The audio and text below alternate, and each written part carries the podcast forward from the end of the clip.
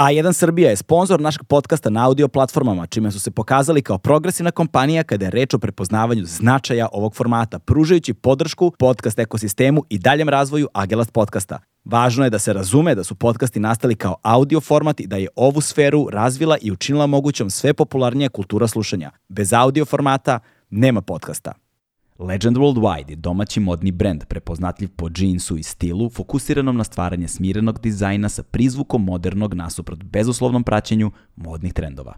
Ana Krstajić. Ana Krstajić je kompozitorka, osoba koja kreira a, muziku za serije, filmove, kompjuterske igre i neko koji je učestvovao u brojnim projektima za koje ste verovatno čuli, u kojima ste verovatno uživali, ali ne znate da je ona u pitanju. Jedna od najtalentovanijih stvarateljki danas u našem okruženju i neko ko zaslužuje svu pažnju ovog sveta. Moja sledeća gostća je Ana Krstajić. Uživajte.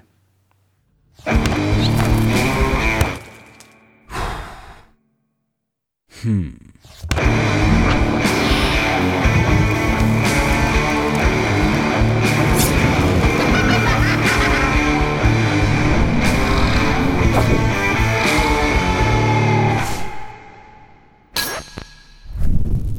To je to, možemo da počnemo. Zdravo Ana, Zdravo. kako si? Dobro, evo malo sam se, kasno sam ustala, ali sam super, spremna za razgovor. Sjajno. Ovaj, izvukli smo te iz studija, pošto ti živiš u studiju, koliko sam razumeo. Sad, posljednjih dana je baš neki haos, da. Tako da mi je ovo super odmor. Stvarno super. Bolje ovo nego da sad nešto odem kao na kafu, neko nešto da jedem, malo da se i mozak razbistri, ono, da nisam u muzici. Da, da učestvuješ u nečemu Da, da, drugom, da. ali, ovaj, ali jel koristiš slušalicu u studiju? Ne. Ne, dobro, znači imaš dobar sound sistem. Mislio sam samo kao izvukli smo ti iz studija, da si nosila slušalice i nazad ovde stavila ponovo slušalice. Ali nije, dobro. Ne. A, hvala ti na poklonu, a, pre svega. Modest Čajkovski, pogledao sam malo pe u pitanju Burazer. E, da, da, da. Modest Čajkovski, život i pismo Petra Ilića Čajkovskog. Bože, pozamašna, ovaj, pozamašna knjiga. Jeste, e, predivna je zato što se potpuno dobije uvid u, neko njegovo privatno e, stanje koje ni ja nisam bila svesna kako je uopšte. Sačuvana su originalna autorska pisma i ono što je meni najinteresantnije jer Čajkovski je prosto jedan stvarno od najvećih i jako poseban i meni lično, a ovde se kroz pisma vidi koliko je on stvarno bio nesiguran i to je meni neverovatno. Jel da? Da. Tako da ćeš, eto, počni pa ćeš da vidiš, baš je, baš je inspirativno. Znaš, ne znam puno o Čajkovskom. Znaš, znaš, znam one stvari koje znaju svi, na primjer. Znaš, jer prosto ukoliko ste rođeni u posljednjih 120 godina ovaj, i imate uši, znaš, ne, možda nisi, ne, nemoguće ne znati ono Čaj, Čajko- Čajkovskog. To da, ovaj, a, tako da njegove te najpoznatije kompozicije koje svi znamo apsolutno s jedne strane, s druge strane znam da je ono ruski kompozitor negde romantizma s kraja tako 19. vek otprilike i tako te neke stvari znam, ali ne znam puno zapravo, niti sam se ikada školovao ovaj, i onda mi, zato je meni i ovaj razgovor dragocen E, i zanima me šta je to e, što je tebi kod Čajkovskog toliko privlačno u odnosu na ostale recimo savremenike njegove.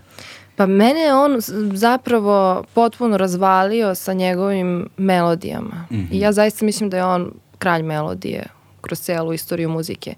On je potpuno imao kontrolu nad, nad vremenskim tokom. Kada razmišljaš, znači muzika je zapravo naše platno je vreme. I to koliko on a, je sposoban da bude u stvari uh, jako uh, pažljiv i uh, jako strpljiv da razvija jednu muzičku temu do potpunog vrhunca kada, znaš ono, kad se desi ta kulminacija tebi nije dobro, jer te on sprema već pola sata za to. Da, da, da, da. I mislim da je on stvarno master u tome i muzika je predivna. Mislim, zavisi, to je naravno sve subjektivno, ali ja sam prosto jako vezana za njega. Uvek me odradi ono, kad sam, kad sam uvek u najgorim periodima opustim njega jer znam da će me odradi strava i da će Da. me razvila i da ću moći da izbacim sve iz sebe kao da nastavim Da, dalje. zanimljivo kad zapravo govoriš o melodijskim linijama, u suštini da, da, ima smisla, razmišljam šta su te neke stvari koje ja volim, ovaj, ali nisu nešto melodijski poznati. Ja više, znaš, više volim ono kada a, zloslutno i apokaliptično zvuče stvari, poput, ne znam, Verdijevog rekvijema ili tako nešto, to mi je, znaš.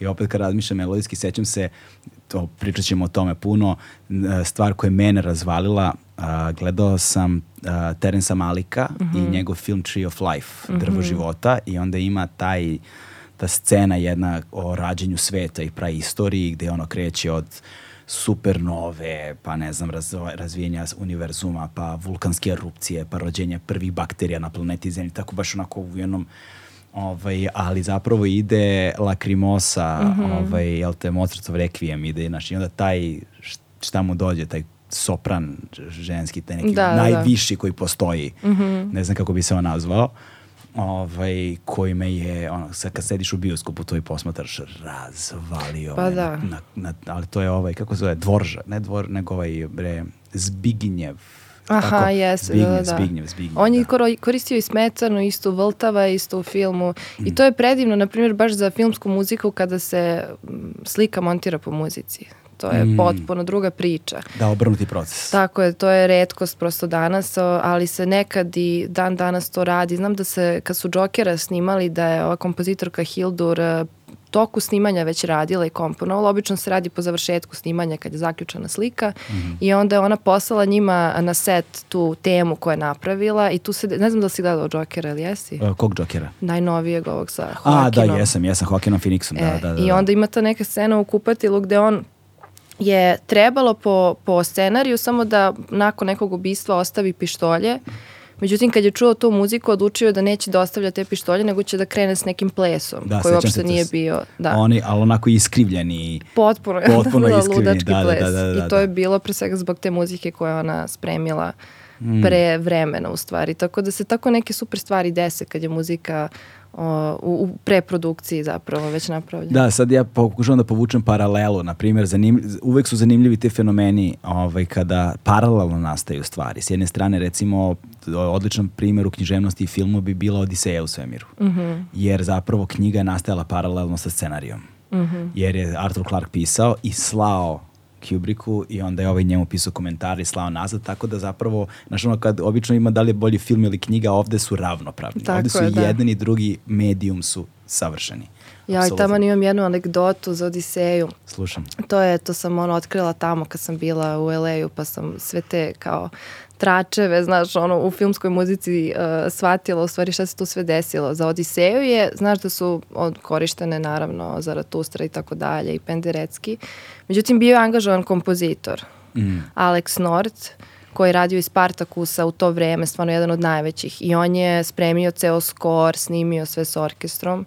Skoro je zapravo muzika za Tako je, film. da. Znači dva sata, ono, simfonijske muzike i došao na premijeru Wow. I čuo reference. Da, da, da, na lepom plavom Dunavu. Tako je, ja mislim da je čak završio u bolnici, da je ta neka priča posle od stresa. Zaista, wow. Tako da to je Kubrick. Brutalni Hollywood. Mhm. Ali to su ti veliki uh, ovaj, oštri, beskompromisni likovi koji, znaš, ako reši da, ako mu se sad skreće levo, ima da skrene levo i da pokupi 300 ljudi, ne zanima ga ništa. Jeste, da. Zajebano. Samo što onda kompozitor završi u bolnici. Da, da. u najboljem slučaju. U najboljem slučaju, da, da. Strašno. Ovaj, sad kad već pominješ LA i to, hajde da se da mi zapravo fokusiramo malo na tebe, pa ćemo usput pričati sve ove uh, anegdote jel te, iz sveta filma. Um, tebi uskoro izlazi album, pričat ćemo i o tome, ovaj, ali ono što je meni najfascinantnije jeste kako se zapravo tvoje ime suptilno i manje suptilno provlači u nizu razgovora koje smo ovde vodili sa svojim gostima, kad god se neka tema pomene, da li na serija, film, muzika za nešto od ovo ili ono, malo, malo pa evo je Ana Krstajić, malo, malo pa evo je Ana Krstajić. Onda kada smo mi radili naše ove sešane, pre svega govorimo uh, s čime uh, trio koji je posle postao kvartet, jel te, u saradnju sa muzikonom, kada su radili, ti si zapravo radila aranžmane za, za, za muzikon, jel tako? Jeste, Ad- da, da. adaptaciju, tako da onda se tu prolači tvoje ime svuda pomalo i onda sam bio fazonu, vreme... Izvucimo iz studija. Izvucimo iz studija, daj da upoznamo ovu devojku i da vidimo i da, i da te malo ono šira javnost upozna, jer mislim da zaista vredi. I kod tebe je slučaj kao sa nekim od mojih sagovornika sa kojima sam bio, dolaziš iz beskreno talentovane familije. Je li tako? Jeste, to i to kreće od dede u stvari. Ja sam sigurna da kreće od njega. On je poreklom sa Žabljaka i on je nama guslao i svirao dvojnice ceo život. Tata je nasledio talent od njega i onda je tato, naravno i mama u stvari isto koja je muzički obrazovana, ali se ne bavi sada profesionalnom muzikom. A, Usmerili su nas odmah onako standardno na, na muzičke škole i brat i ja smo se nekako oboje stvarno zaljubili u tu muziku u drugim smo granama, što je isto super, mm. e, jer sada, evo, mislim da od poslednjih par godina mi sad prvi put i sarađujemo, ja njemu aranžiram neke gudače, on meni svira bas, tako da je nekako sve ispalo stvarno strava. da napomenemo samo tvoj brat je u džezu. Jest. Tako, znaš, Pera Krstajić. Pera da. Krstajić, tako je u džezu, basista, pre svega. Pre neki dan, da, pre neki dan ste šerovali neki story koji me oduvao. ovaj, tako da, zaista neverovatno. S jedne strane, ti si u klasičnoj muzici više, to je moderna klasika, kako je ti nazivaš, ali tako? Pa jeste, ja sam nekako odmah brzo u stvari shvatila još u nižoj muzičkoj da nisam za scenu. Volala sam da sviram klavir, ali sam toliko imala paniku od tog javnog nastupa. E, to je bilo neverovatno, stvarno. stvarno. Znači ja sam ono, sviram klavir, noga mi se trese ispod klavira, baš je bilo katastrofa i kao bila sam uvek odgovorna i štreber u školi i zbog toga sam ja sve to kao radila i vežbala, ali nisam se osjećala stvarno dobro mm, da. na tim internim časovima i nekako sam onda prirodno nastavila u srednju školu na taj teoretski odsek I zapravo tada u srednjoj školi sam otkrila u stvari lepotu filmske muzike preko Hans Zimmera. Aha, naravno. Naravno, da, i preko zapravo njegove muzike iz Gladiatora. Potpuno sam se mm. zaljubila i odlučila da bih voljela to da radim. Međutim, kod nas ne postoji uh, nijedan odsek za, za primenjenu muziku uh, na akademiji, tako da je neki logičan sled bila kompozicija. Uh, I onda sam zbog toga e, naknadno otkrila u stvari tu savremenu klasiku u kojoj sam se još više zaljubila. To su naročito dela iz 20. veka, e, tipa Prokofjev, Stravinski s početka i tako dalje. I onda sam upisala fakultet muzičke umetnosti u klasi profesorke Isidora Žebeljan koja mi je potpuno o, o, oslobodila. Uh, ona je stvarno bila jedna od najdivnijih profesora mm. s kojima sam imala iskustvo. Ona je preminula nešto relativno skoro. Da? Jeste, da. da I uh, stvarno je bila nestvarna potpuno nestvarna, uh, imala je tu strašnu, uh, strašno divnu osobinu da uh, prepozna tačno uh, gde leži srž kod svakog od nas kao mm. umetnika, a kao i čoveka isto. Ja sam sećam da sad kad gledam uh, pet godina kasnije. Dakle, ona je mene stavila, ja sam bila jedina devojka u klasi prvo. Wow, stvarno? U tom trenutku, da. Sve su na muzičkoj bili, akademiji? E, na kompoziciji. Na kompoziciji, Da, u, u klasi i sve su bili dječaci uh, stariji od mene i ona me stavila poslednju u nizu, jer mi smo se skupljali svakog utorka i petka od 2 do 8 su bili časovi recimo. Uvijek me stavila na kraju u slučaju da ja dobijem neki nervni slom, razumeš, da ona može da ostane sa mnom i da me smiri, mm. jer su to bile potpuno nestvarne te neke borbe kao klinac koji ti dođe, mislim klinac na faksu si, ali opet prolaziš kroz neke neke misli neverovatne kao umetnik, da li to sve ima smisla i tako dalje, tako da je baš bila predivna. Ali to je nešto sa čime se suočavaš i dalje u suštini na neki način Jest. čini mi se. I mislim da je to jedna od stvari koja je odlika velikog broja velikih stvaralaca da zapravo da, da, da imaju to neko stalno osjećanje sumnje u to što rade. Jeste, I da. da li je to, znaš, post, uh, ne znam, prosto nisam kompozitor, ali kao zaista. Ali, ovaj, i niti muzičar na bilo koji način. Ali mi je uvek bilo fascinantno um, u umetnosti, u stvaralaštvu, ne samo u muzici. Dve stvari su mi uvek bile fascinantne. Jedna je kako testiraš da li je to što radiš valjano Da. Znaš, imaš nešto što si ti stvorila u svojoj zamisli, jel te, i sad tu zamisao treba da materializuješ na neki način, ali ti tu ipak radiš negde sama, jel tako? Tako U tom je. procesu. Ovaj, s jedne strane i onda tek treba da testiraš to da li je zapravo to smisleno i druga je kako znaš da je gotovo. To, ta, to nikad nije gotovo. ta, ta dva procesa su mi ono fascinanta, ali da. se povezuje nekako opet sa, sa, sa Čajkovskim ono i sa tom njegovom nesigurnošću na samom početku. Pa jeste, zato što u stvari mislim da je to nekako i suština, da ti u momentu kad si zadovoljan, znači nešto nije u redu. Misliš, da? Da, mora, mora da nešto, ako si jako brzo zadovoljan sa rezultatom. Jer to je, e, to je u stvari to pomeranje granice. Ja se sećam isto, profesorka nam je pričala u svakom mom, momentu kada, kada komponujem i kada gradim taj neki vrhunac u muziki, muzici. Mm. Uvek mi je govorila, odloži ga za još tipa mm. osam taktova. Pomeri ga još dalje, jer ti nemaš osjećaj, naročito kad si u materijalu, kad sad sediš i stvaraš, tebi je taj materijal već poznat i ti nemaš objektivan osjećaj u vremenu zapravo. Ti mm. misliš da si posle dana komponovanja sad stigao do tog vrhunca, a neko ko se sluša to prvi put, njemu se to zapravo prebrzo dešava jer prvi put sad čuje taj materijal. I onda je jako bitno to odlaganje, na primer, da probaš da se onako, da odstupiš od svog stvaralaštva i da sa, pokušaš da sagledaš realno kao ajmo sad da li je ovo neki tok koji je pravilan u tom smislu i tako dalje i isto je, sad zavisi da li se radi primenjena muzika gde moraju neka pravila da se ispuštuju ili se radi koncertna muzika gde zaista imaš svu slobodu da potpuno stvaraš šta god hoćeš, a ja sam nekako uvek osjećala da je najbitnije da je meni dobro. Ako mene radi ta muzika, mm. sigurno će da odradi još nekog.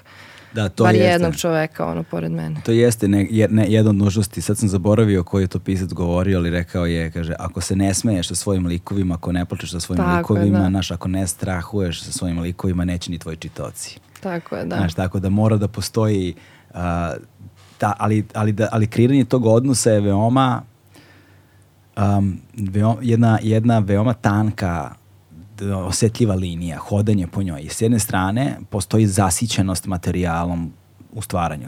Pretpostavljam da moraš da praviš pauze od toga da se da, da, da se prespava i to, da. Da se prespava, jer kao neću pet dana sad da slušam ništa, znaš, samo da bi se vratila nekako svežih ušiju. Jest, da. To, ovaj, s jedne strane. Ovaj, tako, a, I onda postoji ta za, zasićenost jel te, materijalom koji te udaljava od objektivnosti pod znacima navoda, šta god objektivno značila. A s druge strane moraš da budeš prisutna apsolutno da bi mogla da imaš i kontinuitet u stvaranju i u radu i na neki način da balansiraš između ta dva, da pronađeš pravu meru i jednom i drugom. Jeste, da. Ja sam isto primetila kada radim, na primer, dovoljno je samo da pozovem kogod da je tu sad u studiju, samo da uđe u sobu i da sedne i da ja sad pustim tu muziku, ja ću je čuti drugačije. To je mm, neverovatno. Mm, da. Samo da što je neko Samo prisutan. da je neko prisutan, tu još jedno biće, ja odmah čujem sve što ne valja. Ne mora ništa da kaže. Tako da mi je to isto super sad test, ono, kad radim nešto, ako je Ćale tu u studiju ili kogo, samo kažem sedi da, da. pet minuta i onda možeš da ideš i ja ću sve da rešim, ono, posle, šta nije u redu. Tako da je to isto ta neka stvar, mislim, jako je sve intuitivno i mislim da je to ono što je najteže, da nema, nema sad nekog konkretnog pravila kako da napraviš dobru muziku, znaš, da. kao evo ga recept i kao to je to. Nego je baš intuitivno i prosto moraš da veruješ nekako i sebi, što je opet najteže. Jer baš smo pričali isto o tome uh, kad smo se sreli da, da koliko god ja sad znam da sam ja prošla i, i škola i tako dalje i projekat, a svaki projekat novi mi je potpuno kao ono prazan list papira i a ja nemam olovku, znaš, i kao da. ne znam šta da radim. Jel paničiš? Da, paničim, međutim sad sam shvatila da mora da se to malo vežba.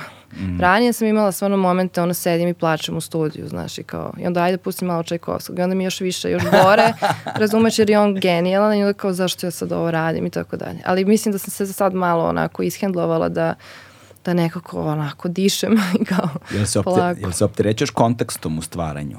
s obzirom, s obzirom na tvoje obrazovanje i s obzirom na tvoju on, zaljubljenost jel te, u, u svet muzike u kojem živiš i poznavanje tog sveta veoma dobro i onda ti je jasno da ovaj motiv je korišćen na ovaj način kroz istoriju, naš, kroz epohe, naš, ovi, ove ideje, ovi, ne znam, naš, je korišćeno na ovaj način, ovako je koristio Čajkovski, ovako je koristio Starovinski, ovako je koristio, ovako je koristio on. I sad koristiš ti taj isti i onda nužno uh, se stavljaš u poređenje sa njima i to naravno ako si ole pristojna osoba nikad nije dobro.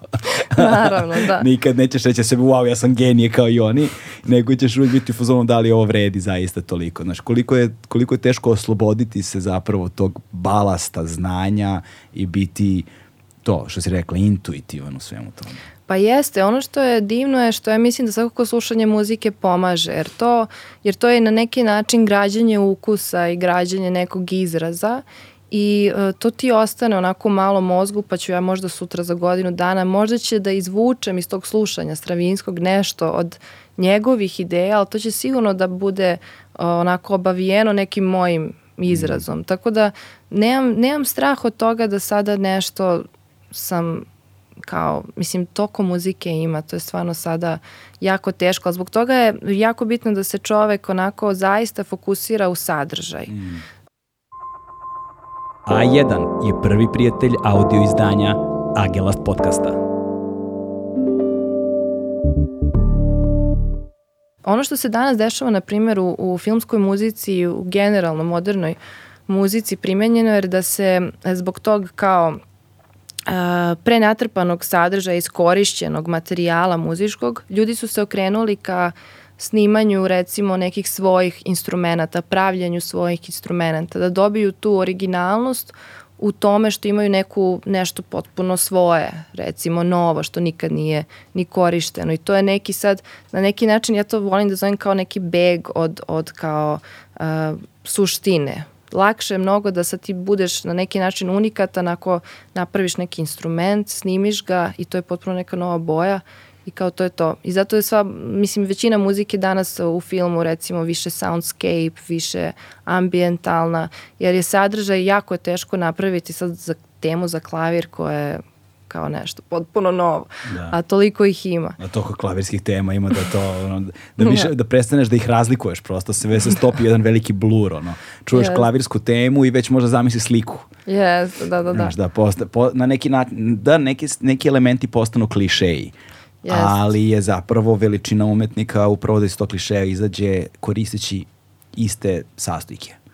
Jeste, da. Bitno je da se nekako i da budeš nekako i, i dosledan sebi mm. i nekim svojim, da ne ja sam imala te momente, ono, kad sam mlađa bila malo, kao ja razmišljaš kako će sad, u toku komponovanja razmišljam kako će se ljudima ovo dopasti. Da. To je najgora stvar da, koju možeš da. sebi da uradiš. Znači, jako je bitno da si sam, da nekako sve izbaciš iz sebe i da budeš veran sebi u tom smislu. Mm posle sve na nečemu višem, da će to, kako će to da reaguje publika. Ja, da, to, to je da budeš zapravo slobodna, da, da, da budeš slobodna pred samom sobom. Da. Znači da ono da za, da nema da nema da nema autocenzure. Jest. Da zapravo se usudiš, da se daš sebi pravo da se usudim, pa šta izađe.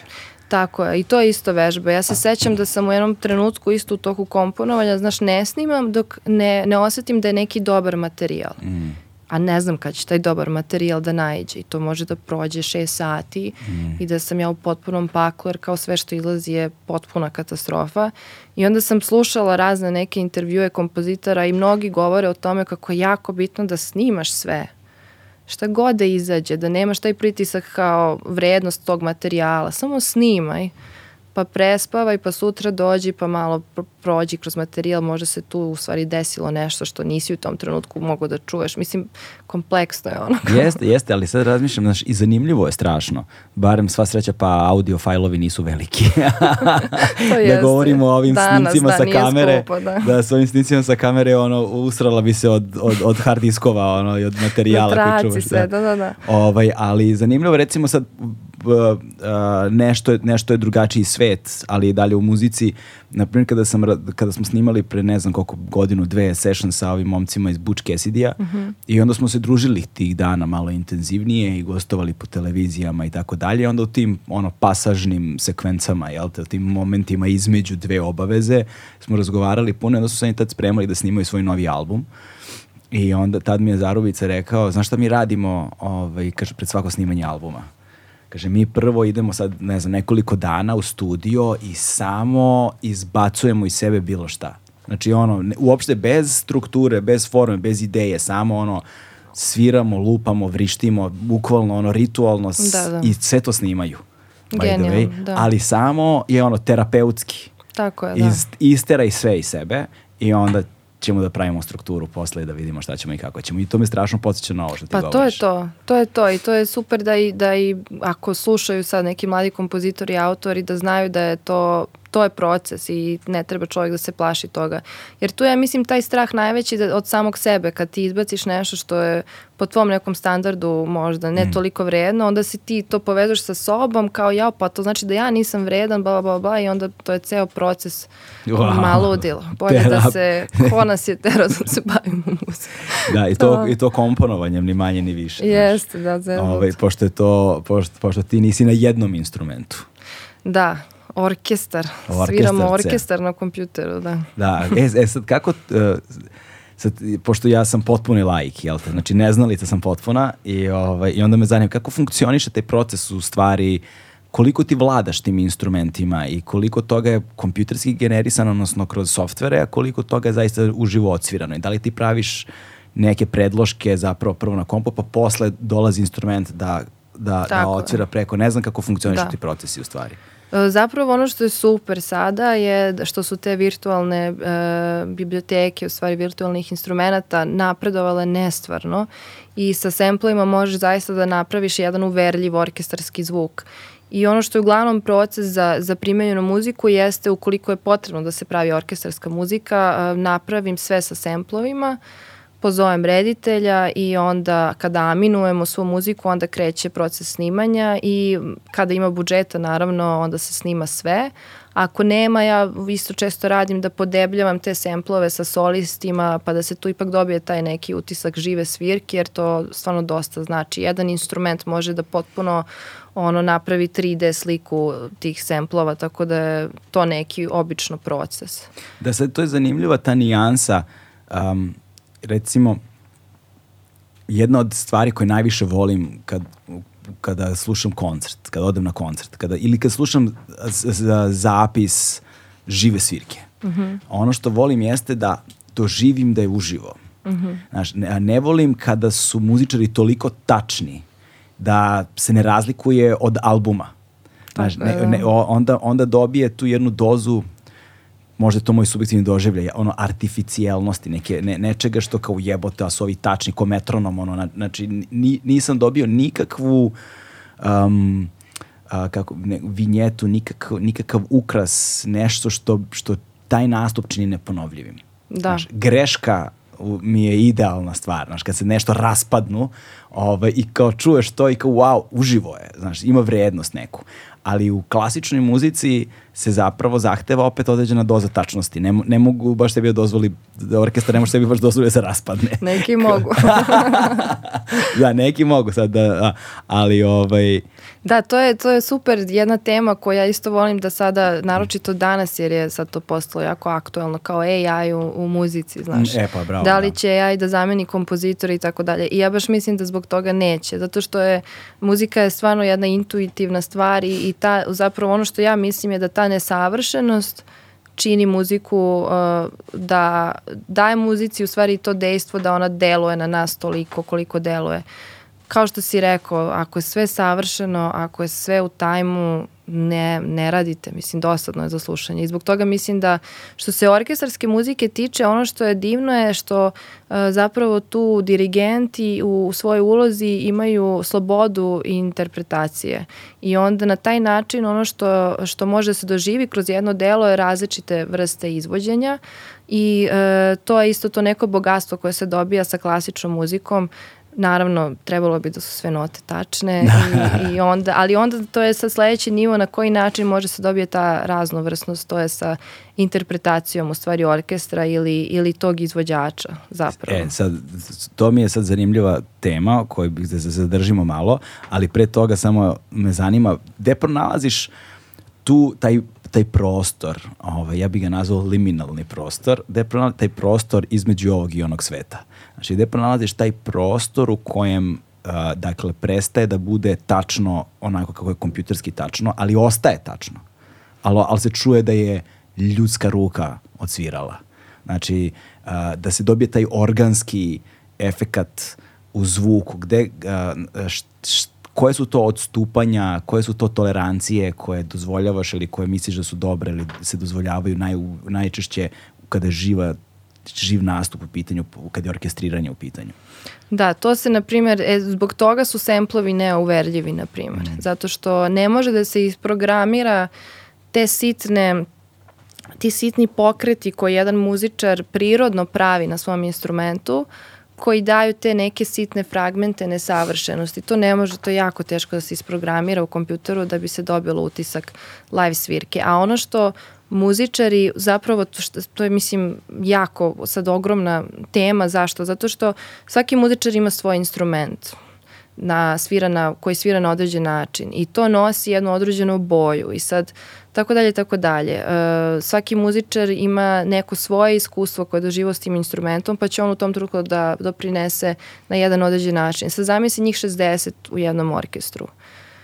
Svako svira na svoj način. Koliko god oni mogu da su dobri, svako ima neku svoju artikulaciju mm. u datom trenutku u smislu ne kao notne artikulacije, nego nešto svoje daje, doprinosi tom uh, orkestru. I onda se tu u toj masi zvuka stvarno dobije nešto što je potpuno neverovatno. Ono što ja volim da radim, uh, imala sam, volim, imam super muzičare s kojima radim, Nemanja Stanković, čelista je fantastičan, Mirjana Nešković, violiniskinja i ono što oni urade meni za moju muziku je uh, e, neverovatno, potpuno mi ožive muziku. Ja nemam, ja sad, pošto radim s njima već nekoliko godina, ne moram više ništa da ih pričam. Oni mm. sami već sad nadograde potpuno razumeju moj jezik i tačno znaju šta sam tela da, da ostvarim, jako možda to ne piše u notnom zapisu, pa sami doprinose svojim nekim idejama. Wow. Na licu mesta? Na licu mesta, wow. naravno. I taj proces je najlepši proces kad, kad radim na nekom projektu, kad uđem u studiju s muzičarima i onda uh, doprinose sa svojim idejima. Ja, ja znam o instrumentima teoretski, ja sviram samo klavir, ali sam kao prošla tu školu, učila sam orkestraciju, ali ne mogu nikada da znam čelo kao što Nemanja zna čelo recimo.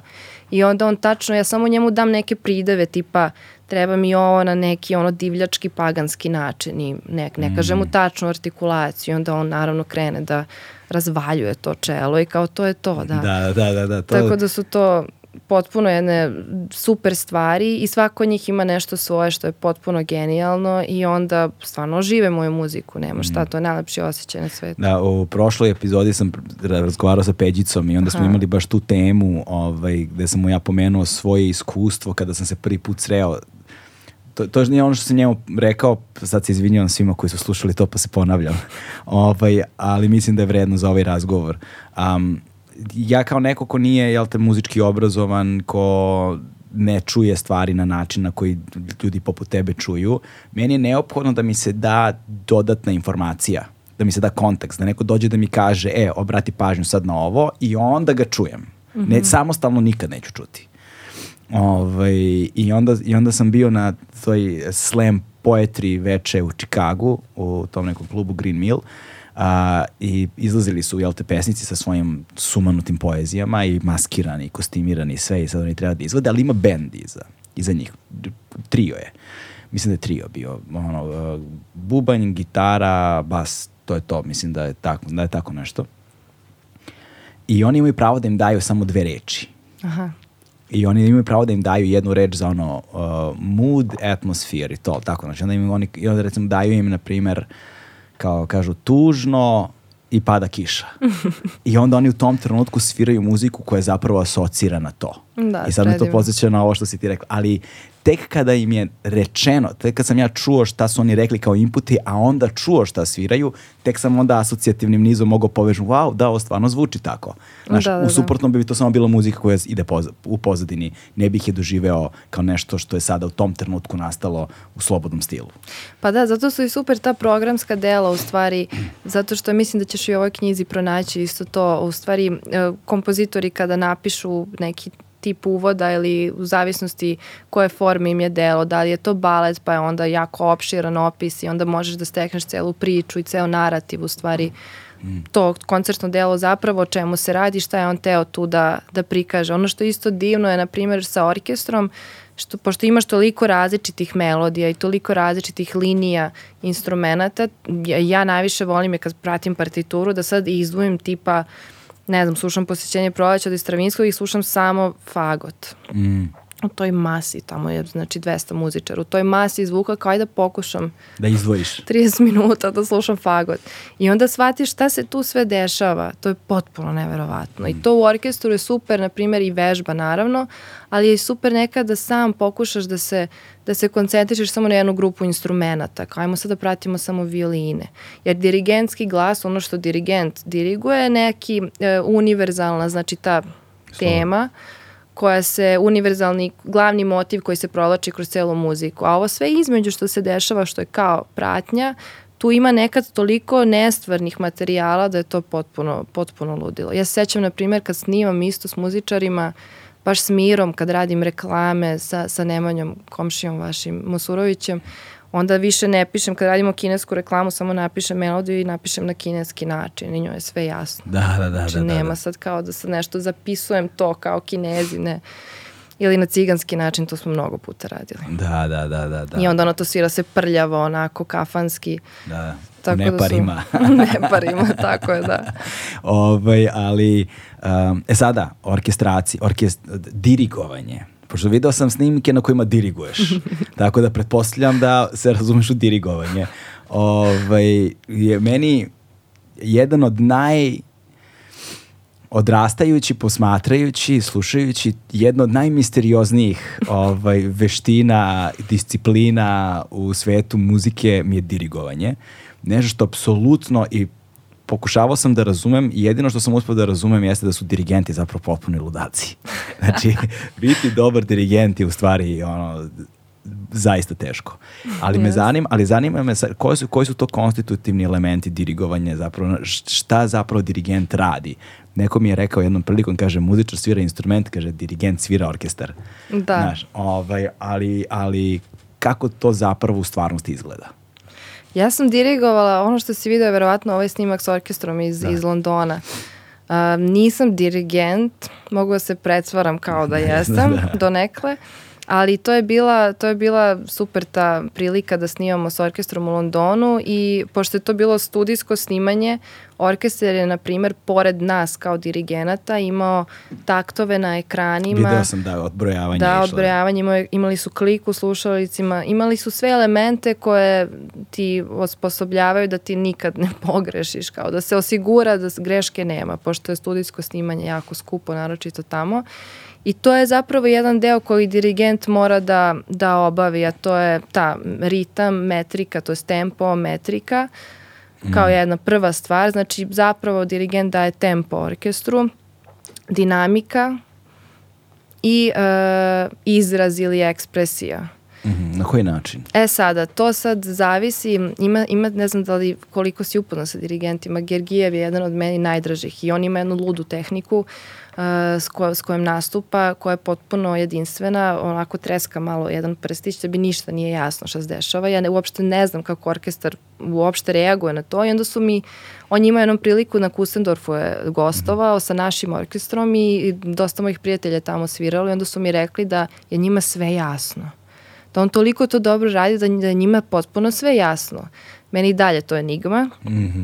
Šta se tu dešava, ali ono što je e, zapravo uloga dirigenta jeste da e, interpretira to delo kompozitora.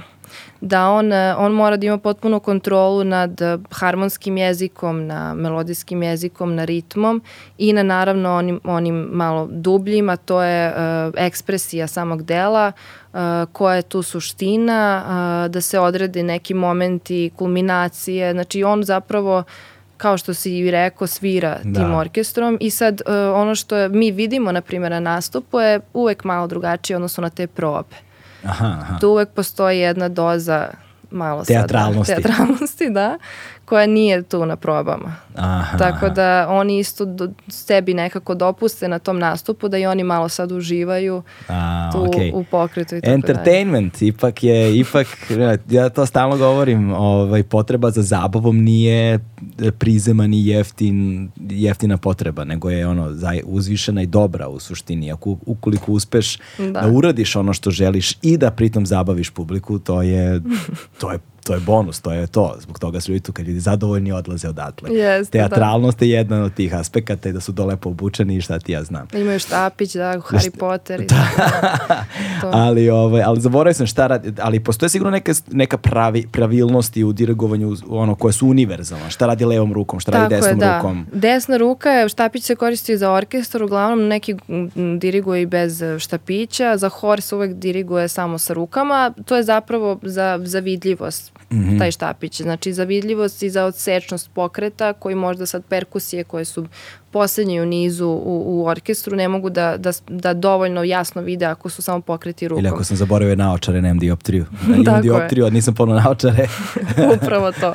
A čekaš sat vremena da udariš jednom timpan, O, znaš. da, da, ili u gong, Ako to da. zaboraviš, kao Da. sve je ono otišlo. Sve se raspalo, da, da, da, da. da. Tako da je desna ruka uh, više za, za, za tempo, za meta, za te neke konkretnije stvari, a leva ruka se koristi za ekspresiju, za dinamiku. Mm. I to je ta razlika koja se možda primeti sada, sad tamo sledeći put obrati pažnju, uglavnom je nekad oni spuste levu ruku pa rade samo tempo s desnom i onda se nastavi leva za, za određenu ekspresiju. Sad tu ima, raz, ja nisam školovani dirigent, ali ono što znam je da, je, da ima dosta različitih dirigenata, neki su jako ekspresivni, teatralni, čak i na probama i na nastupu, a neki su strašno minimalni mm.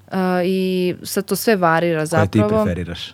Ja volim Roždestvenskog, on je bio meni omeljen, to je ruski dirigent, e, ima super dokumentarac o njemu i baš kako diriguje Čajkovskog i on je jedan od tih koji je potpuno uh, posvećen delu, uopšte nema nikak, mislim bar ja tako vidim, e, ego mu je kao nula, on je tu za delo i e, diriguje, ima čak momente sa tih e, nastupa gde on ne prestane da diriguje za jedno minut jedan, samo stoji ovako i gleda jer kao oni su se uvatili, orkestar se uvatio, da, da. razumeš i kao... Sinhronizovali su se. da, da, da. da, ja. I onda nastavi, da. Nema potrebe. Nekad je stvarno suvišno i meni je to super i uh, ako imaš prilike obavezno to pogledaj, njegov dokumentarac, predivanje, predivanje baš. Si zapisao Mare? A ne, Mare Fotka sad Mare Fotka. Da. Ove, ovaj, je li istina da dirigent, uh, sad kako sam ja to vidio, po, prosto, pošto orkestar treba da reaguje na dirigenta, a dirigent prati održi tempo, je li tako? Da. I, ovaj, I određuje dinamiku. On zapravo, da bi muzičari bili u tempu, on mora malo ispred tempa da bude. Tako je. Koliko, mislim, to mi zvuči kao total, to mi zvuči mega Znam. zajebano. Jeste, ali oni su, oni su navikli na to. Ja se sećam isto, ja sam navikla da, da u, u tempu dirigujem. Da kao dobu pre neki sad akcenat, tad naglasim da nisam ispred u stvari. Aha. Meni je to bilo logično. I onda sam ja uh, shvatila, baš skoro smo snimali nešto na Kolarcu u novembru i uh, sa kvintetom gudačkim i nisam dugo dirigovala i kao ajde sad, mislim spora je muzika, ali shvatam da su iza mene sve vreme, da kasne onda su na klik, jer smo imali i klik. I onda sam u stvari to shvatila da oni moraju da budu ispred. Znači, dirigent mora na neki način, sad to jeste sad kad posmatraš ovako potpuno čudno kako sad to, ali prosto su oni školovani na taj način i tako funkcioniše orkestar da Koliko je dirigent da ispred? Otprilike, znaš, ono, koja je to metrika, ono, koliko on je ispred, da, da, da sad ja, ja, ja bih to onako laički nazvao psihičkom, se, psihološkom sekundom. Znači, koliko tebi treba da ti oko vidi, da, da mozak registruje i da ti reaguješ na to i da budeš komotno negde, da nije panika, da, da je komotno i da uletiš tačno na da. vreme, da. znaš, koliko sad prosjeku... Zavisi, ono... potpuno zavisi, jer u nekim momentima uh, su oni potpuno u tempu uh, sa delom i sa, sa orkestrom. Ako su neki prelazi, ako je nešto što je možda komplikacija u izvedbi, onda se uh, dešava to ispred. Ako, su, ako se diže dinamika, dosta puta se onda i to mm. dešava. Znači, ako je potreba za nekim ubrzavanjem, isto zavisi, sve stvarno zavisi. Koliko se često sad koristi klik u dirigovanju? Pa samo za snimanje. Samo za snimanje. Uživo kada se radi ovako ne. pred publikom nikad, to je, ne, to je greh. da. to je greh. Sad se klikovi programiraju u stvari to je isto ta stvar, pošto kad je klik, klik je zbog slike zapravo, da bi to bilo sve sinhronizovano sa slikom. Ali sada se klik programira tako da se dobije utisak da nema klika. Mm. Je problematično ako je sve, to se isto, stekne se utisak ako je pod klikom nešto, naravno, snimljeno. Da, ja znam, ja znam kako mi snimamo, kad mi snimamo sessione, znaš, mi uvek snimamo više različitih take-ova i onda je, i onda u zavisnosti od toga sa kime snimamo, nekada imaš muzičare koji su preusvirani. Znaš, ono, zajedno su ekipa 30 godina, rokaju, znak, dakle njima klik nikakav ne treba. Da, znači, da, oni da. su svaki put tačni, znaš, to je neverovatno, znaš, prisustvovati tome da, uživo, da. posebno kada se staneš za miksetu, ovaj, pa, pa, da ti on, pa ti onda u slušalicama izoluje svaki instrument ili vokal posebno ih odvojeno čuješ i onda shvatiš, wow, čoveče. Neverovatno, da. A tad se najbolje čuje, kada, na, kada, kada je uživo svirka i kada izoluješ instrumente i, i onda čuješ i sve greške i čuješ ono gde su stvarno dobri, ovaj, tad nekako, a onda kada ih spustiš kao crescendo, kada ih čuje sve zajedno, to onda Kao to je to, da. grmi drugačije. Da, da, da. Ali sa velikom većinom njih na kraju opet moramo da, na, važno je da je bubnjar na klik, jer kada snimaš više tejkova, a nisu na klik, a nisu dobro, dovoljno da, dobro da, da, u montaži da. si u paklu. U paklu, da, u da, paklu da. si u montaži. Jer, znaš, svako koji je ole muzički ono, osetljiv vidi tu milisekundu kad promašuješ, znaš, kada nije, nije tačna slika u odnosu na zvuk. Naravno, da. Ovde se isto, ja nekad volim da snimim neke stvari bez klika, gotovo sve snimam s klikom, ali kad su neke spore te teme za filmove ili za bilo koji projekat koji je kao vizualan, onda volim da snimam bez klika uh, zajedno, sve ljude na istom mestu. Kada, mm. I onda tipa kvartet, kvintet i tako dalje.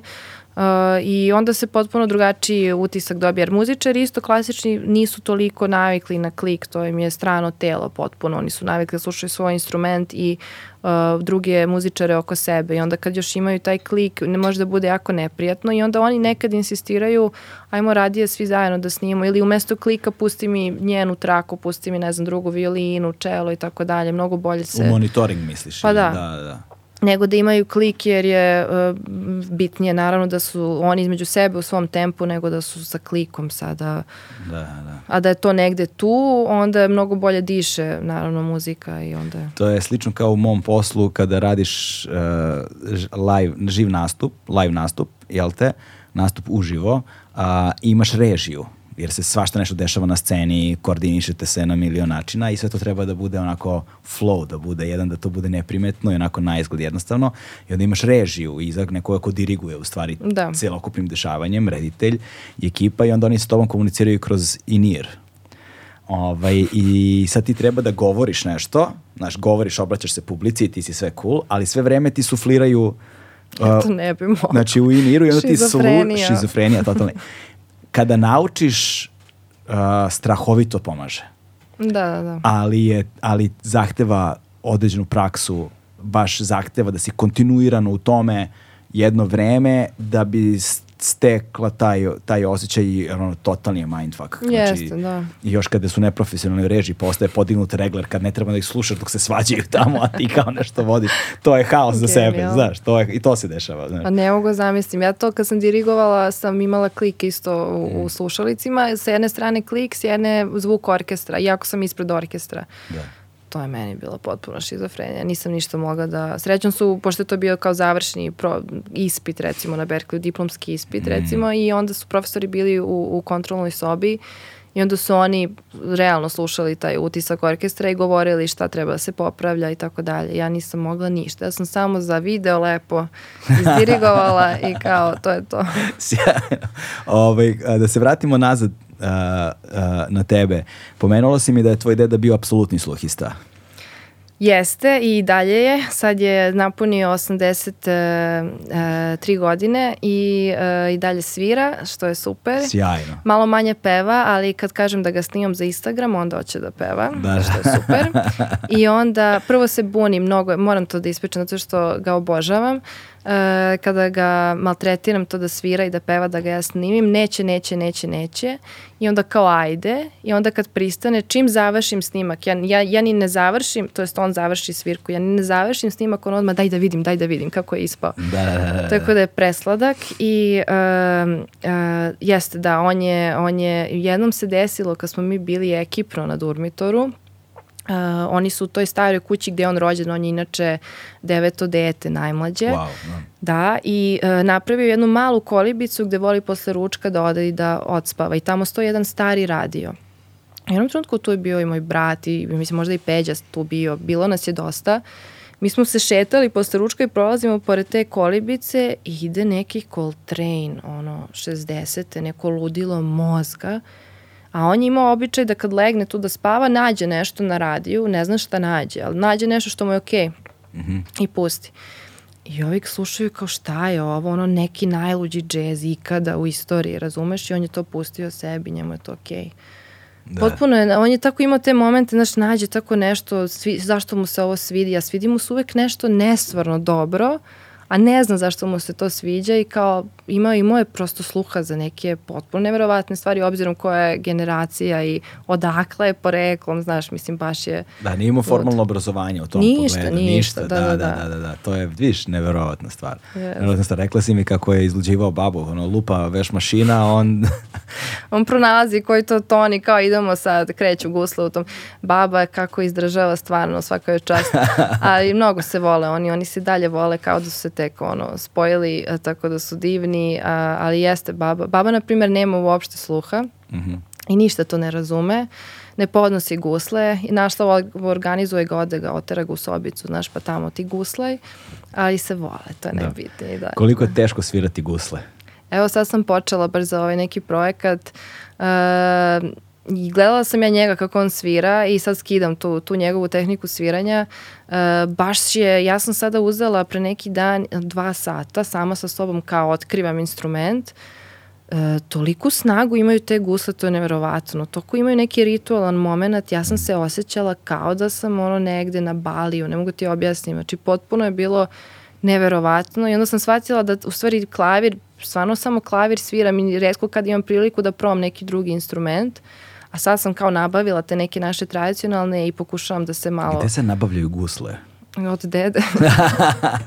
Kao ja da sad hoću nabavim gusle, ili ima negde radnja da odem da kupim gusle. Mogu da ti pošaljem neke kontakte. I drugo, prelepo, znaš kako su lepo izrađene. Da. Onako imaju sve ručni rad, baš je kao instrument jako specifičan. Wow, da. sjajno, sjajno. E sada, a, ono što je zanimljivo jeste pomenula si mi da u tvom razvojnom putu uh, kroz školovanje je, je Berkeley odigrao jednu ključnu ulogu pored toga što je Berkeley College of Music i cela ta misterija, jel te, oko, oko, oko studiranja tamo, jel te, gde si ti bila, pa ćeš nam ispričati kako si tamo završila, ali je zapravo odradio jednu važnu ulogu, da, jer si mi rekla da ti, da, da ti sumnjaš da bi bila danas ovo što jesi, da bi se usudila da se baviš ovim stvarima, da nije bilo Berklija na kojem su te za to osposobili na jedan vrlo specifičan način. Ali hajde da mi ispričaš tu priču zapravo kako se sve to desilo da. i ovaj, kako ti iskustvo zapravo tamo bilo.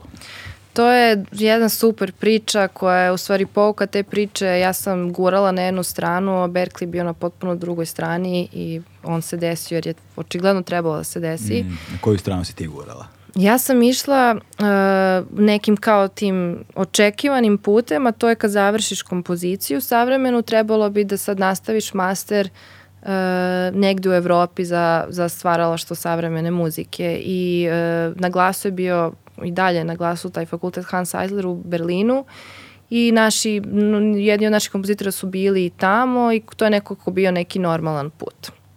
E sada ja sam uh, krenula već na faksu da radim sa mladim rediteljima, neke njihove kratke filmove, sve mi je to bilo super, ali ne postoji u regionu nikakvo, nikakav master sad za, za primenjenu muziku i nekako nije mi to uopšte bilo u glavi.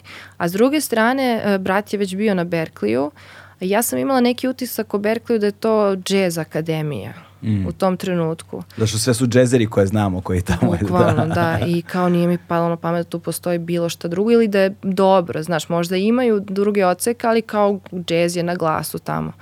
I onda se desilo to jedno takmičenje uh, u organizaciji Multikultivator kod nas u saradnji sa Berkleyem za mlade muzičare gde je bila i kategorija najbolja originalna kompozicija. E sad, ja i takmičenja, to je sad isto jedna priča.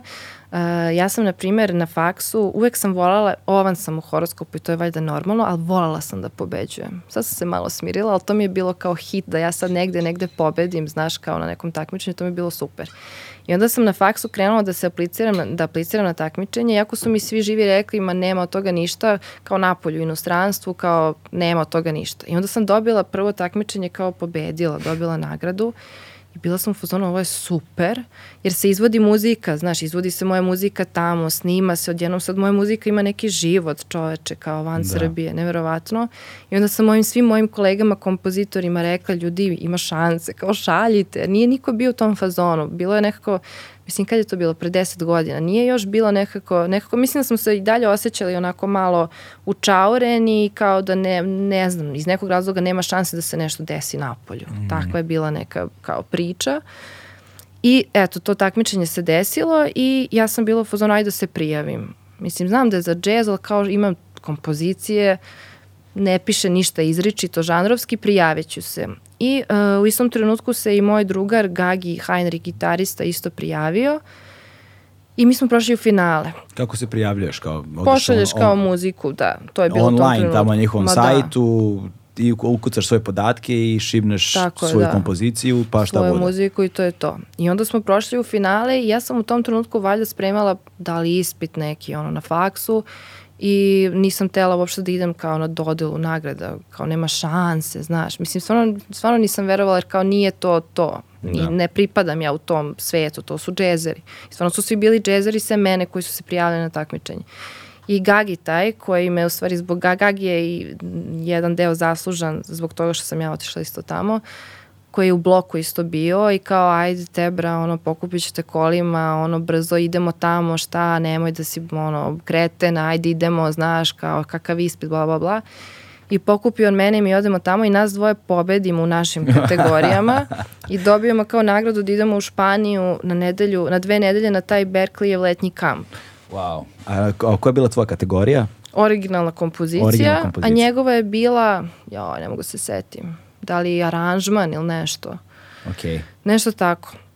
I sad nas dvoje smo najbolji ortaci u tom trenutku i kao shvatimo da imamo kao letovanje u Španiji, kao dve nedelje, brutalno, kao nema veze, to Berkeley kamp, znaš, ja kao ništa, idem na, u Valenciju, kao super, imam Idemo na letovanje, letovanje, da, bukvalno. da, da. I mi odemo tamo, a Gagi je imao plan da on sad pro, pokuša da dobije tu stipendiju u stvari za Berkeley u Bostonu. A ja sam otišla stvarno da se ono sunčam i kupam i spremam ispit, razumiješ, jer opet razmišljam nema teorije.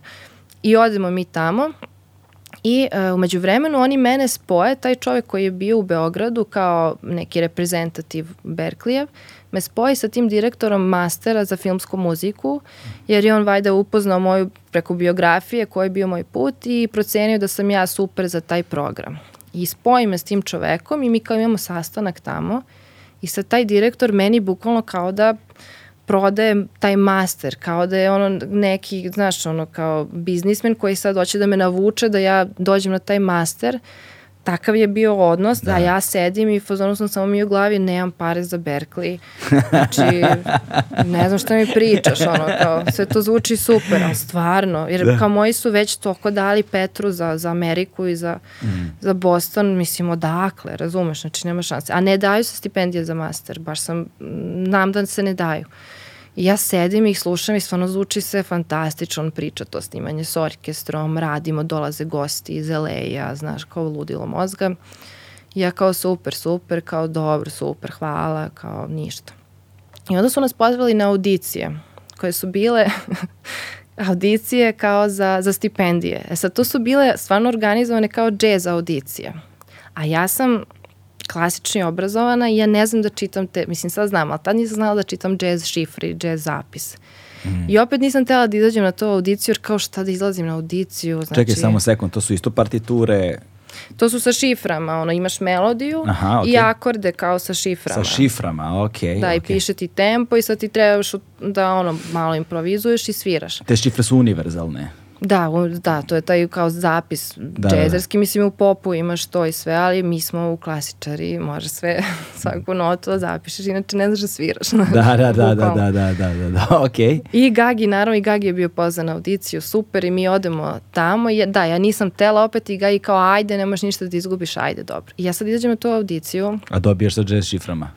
dobijem to uh, i shvatam da ne znam ništa i kao izađem pred njih i oni kao ajde sviraj ovo, ja rekao stvarno ja ne znam, mislim ne znam te šifre.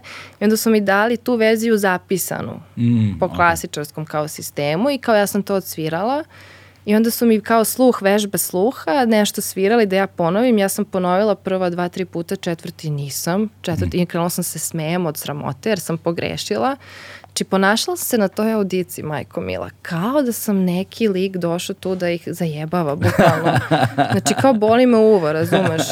Znači, strašno. Da, da, da. I onda, znaš, i oni već vidjeli da sam ja neki, znaš, ništa, ne znam. Diletant. Da, bukvalno diletant. I kao sviram, onda su nešto tapkali ritam, znaš, da po, to sam ovaj, a, ponovila. I bilo je još jedno čitanje gde su oni meni dali kao džezerski ono one, two, one, two, three, four. I sad ja kao ne znam šta to znači. Znaš, ja kao u svom tempu i oni one, two, one, two, three, four i ja u svom tempu krenem. On, oni gledaju, bože, odakle je ova došla, znaš i tako dalje. I ništa, završava se sad taj deo i posljednji deo je bio da ja osviram nešto svoje. Ok. I oni se vratili, taj lik se vratio iza kao da sedne u komisiju. Ja krećem da sviram tu moju muziku koju spremam za ispit, tu savremenu klasiku koje ono baš kao, mislim, super sam svirala i to i kao muzika je luda i tako dalje. I ja sam to svirala, ono, unela se sve, ono, razumeš, kao Da. pravi ludi pijanista. Završila i samo kako sam završila sam videla tog lika koji me ovako samo pitao, are you on drugs? Kao nije mu jasno. Odjednom je to sad bilo nešto kao super genijalno, a sve ovo pre toga je bilo potpuna katastrofa. Da, delovala si neuračunljivo. Tako da, je, da. Kao neko ko se drogira. ok, sjajno. I? kao dakle ovo i kao to je to. I ništa. I onda se završila ta audicija. Ja sam Gagi sve naravno pokidao, odradio sve super i ja sam bila u fazonu da sam nisam ništa uradila super i kao to je to. I onda je bila dodala stipendije i onda su mi dali stipendiju za master. Eto, opet Čajkovski koji u, u tebi, koji sumnja u sebe. I U svoje, I šta su ti rekli? Bude neko obrazloženje, jel razgovaraš sa nekim i ti kažu kao kako Pa je prošao, šta su oni? Jesi dobila Ništa. nekada povratnu informaciju kako je Ništa. njima izgledao ta, izgledala ta tvoja audicija? Ništa, bukvalno ništa. Samo su mi dali tu stipendiju, ja sam krenula da povraćam u WC-u jer kao sve vreme spremam taj ispit iz kompozicije, razmišljam, idem u Berlin, kao jednom sad treba da idem na Berkeley u Španiji, godinu dana, znaš, kao potpuno, dobro, bila sam i mlađa, naravno ne bi sad reagovala tako, povraćam u WC-u, ali, znaš, bila sam skroz kao, znaš, promena nekog, a ja sam uvek voljela to kad nešto sad organizujem, zacrtam, idem tamo, Čekaj, gde si ti bila na Berkeley onda? u Španiji. U Španiji na Berkeley. Da. Čekaj, gde je Berkeley sve je ono... U Bostonu je sedište, a ta četiri mastera su u Španiji. Kao neko ono istureno okej, odeljenje. okej, to. Okej, okej, okej. okej. Što je I bilo super. I onda si otišla, da, nisi otišla u Ameriku. Tako je, Nego da. si bila u Španiji godinu dana. Tako je. Wow, e, i, ovaj, i, šta se onda, i šta ti je onda zapravo to iskustvo na masteru u Španiji donelo u odnosu na tvoj prethodni ono, po, pogled na svet i tvoju buduću karijeru? Ono što je divno je što sam ja kroz, eh, kroz kompoziciju na Fakultetu muzičke umetnosti u stvari i kroz rad sa profesorkom dobila neko super predznanje za, za Berkeley. I ono što sam primetila jeste da sam ja nekako i iznad mnogih tamo kompozitora bila po tom nekom opštem znanju, harmonije, orkestracije kontrapunkta i tako dalje. Znači stručno muzičkih e, oblasti. I, e, ali s druge strane sam bila zaista najlošija što se tiče savremenih tehnologija, softvera i tako dalje, produkcije, znači nisam ništa znala bukvalno. I zbog toga je Berkeley meni napravio taj nekako me onako zaokružio u tom smislu što se veština tiče jer mi je dao pre svega to produkcijsko znanje i to tehničko znanje koje uopšte nisam imala. Da. Tako da u tom smislu bez toga uh, što je sada neophodno za, za komponovanje primenjene muzike, poznavanje softvera, semplova, uh, znači pravi, poznavanje semplova do te mere da možeš da dobiješ taj uverljiv orkestarski zvuk, same produkcije, miksa, editovanja, znaš i tako dalje. I taj proces snimanja isto koji sam ja tamo prošla, koji je isto prilično kompleksan, na koji način sad ti raspišeš te partiture, pa moraš da pošalješ orkestru, pa mora to da bude u sinku sa, sa slikom i sa klikom i tako dalje, pa onda to snimanje, kako da snimiš tipa sat vremena muzike za dva sata snimanja, da sve ono budeš, organizuješ, da kao sve stigneš i tako dalje. I uh, druga stvar, na ono nekom ličnom nivou sam se potpuno otvorila. Ja sam sad prvi put bila u sredini koja nije poznata i to me potpuno razvalilo u pozitivnom smislu. Upoznala sam zaista ljudi iz celog sveta. Sva, tu sam prvi put nekako imala i to gledalo, onako surovo šta, šta sam ja možda nešto negovala ovde, što je možda normalno za našu sredinu, a nije toliko normalno za takvo okruženje. Na primjer, bila sam, nisam navikla da se sad javljam random u, na faksu ljudima koje ne znam.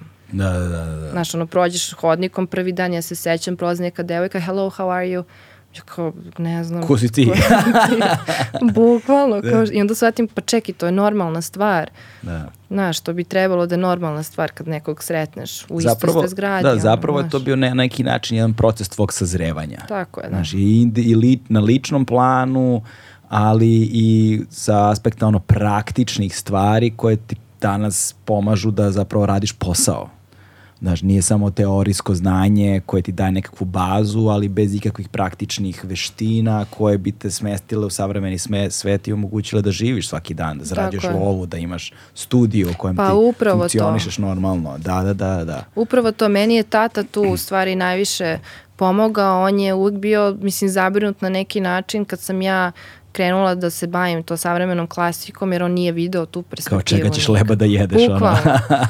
Ono. Bićeš nastavnica u školi ili pa tako da, nešto. i kao, mislim, greota, ono, kao toliko voliš tu muziku, ajde probaj malo to filmovi, to. Znači, on je bio taj koji je odma krenuo da me nekako usmerava kao kreni, nauči, bar nauči, znaš, te softvere, sve da možeš sutra i onda se eto desio mm. Berkeley da sam ja nisam stvarno znala kompjuter da upalim pre Berkelja, Berkelja, znači baš je bilo katastrofa, ali sam onda došla, to je toliko bilo intenzivno i to me je strašno drago što smo mi, uopšte nije bio neki studentski život kao sad neka blejca, malo časovi, ne.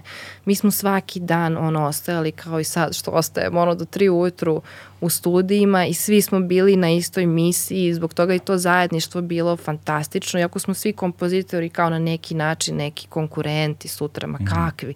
Mi smo se svi držali zajedno, idemo, radimo te domaće, snimamo, pomažemo se, ali njihov sistem je napravljen neverovatno. Zbog čega? Znači oni su to je to kad se neko stvarno bavi kao studentima. Oni su organizovali naše grupe, imali smo dve grupe, tako što su stavili nas koji smo možda malo više klasični obrazovani sa ljudima koji su jako dobri u produkciji.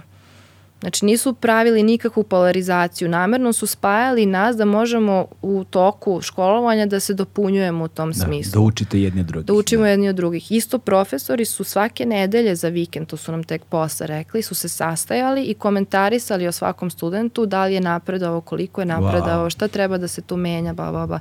Wow. Mislim, baš je bilo, sistem je bio nevjerovatan. Koliko je velika grupa bila?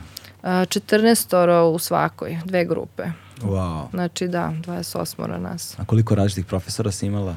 Uh, imali smo šest različitih profesora, bila su predavanja uh, dva put dnevno po tri sata, pet dana u nedelji. I imali smo znači te kao moderne tehnologije komponovanja, uh, tipa to produkcija, semplovanje, softveri i isto orkestracije. Imali smo isto narativne analize filma, što je isto bilo super, video igre, isto mm. mixing i tako dalje.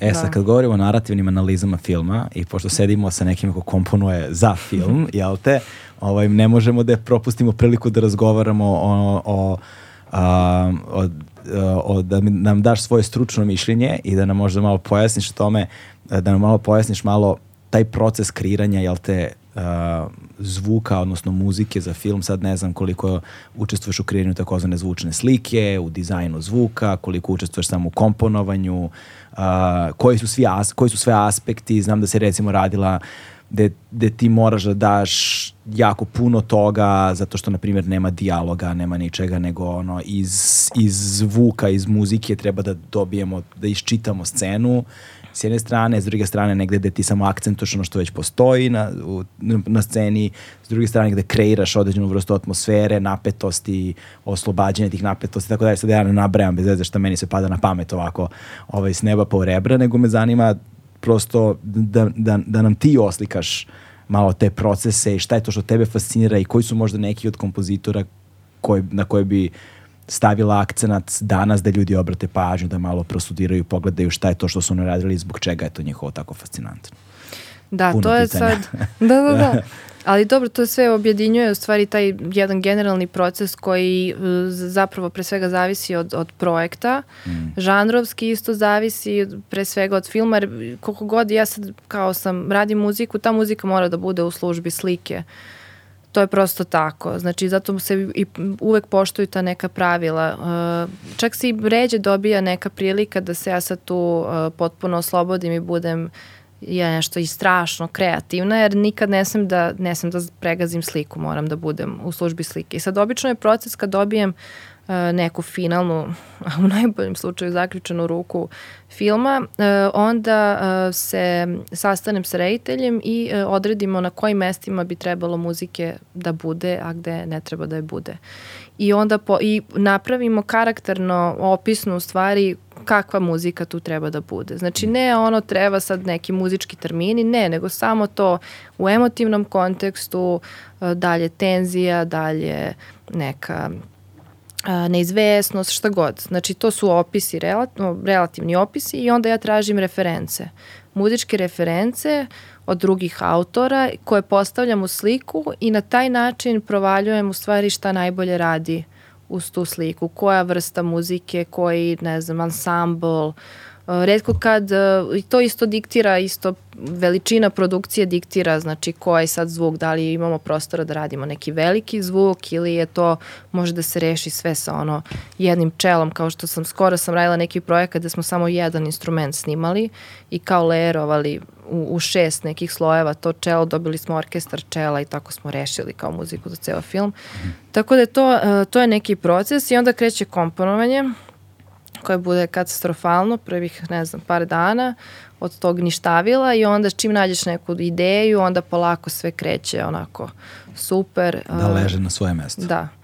Tako da sve zavisi, mnogo je najbitnije u stvari taj proces predkomponovanja što se mene tiče, zato što se te, te odrednice gde treba da bude muzike i gde ne treba su najbitnije. Mm. I tu treba biti jako promišljen, uglavnom reditelji uh, imaju jasnu viziju šta žele od svog filma i tačno znaju gde je potrebno da, muzike, da bude muzike, gde ne, jer naročito, mislim i sam znaš da nekad su mnoge neke scene jako efektnije ako nema muzike, ako su mm. u tišini i zbog toga treba odrediti u stvari gde tišina igra ulogu, gde tišina pocrta, na primjer, nešto što nije vidljivo ili što je potrebno u slici, a gde je potrebno da muzika možda nešto naglasi ili da iskontre nešto potpuno pripremi nešto što će se desiti za sat vremena, nemam pojma i tako, mislim. Ja, sad mi pao na pamet Johnny Cage. ovaj, vidiš, sad, sad kad pričaš o tome, razmišljam, uh, po, skoro sam ponovo gledao film Sound of Metal, mm -hmm. ovaj, pošto se pojavio na Netflixu, tako nešto, gledao sam ga pre nekoliko godina, Uh, ne znam da li si ga gledala, ali, ali vrlo, vrlo, vrlo zanimljiv film, posebno sa aspekta zvuka. Prvo, zato što govor, glavni lik je bubnjar u metal bandu ovaj, koji gluvi, koji gubi sluh. Aha. I, mi, I zapravo nas kroz film nas vodi, uh, zvučno nas vodi od, od, od, na početku od strahovite metal, ono noise metal buke, do njegovog gubljenja sluha potpunog, znaš, do, gu, do, do, glu, do gluvoće.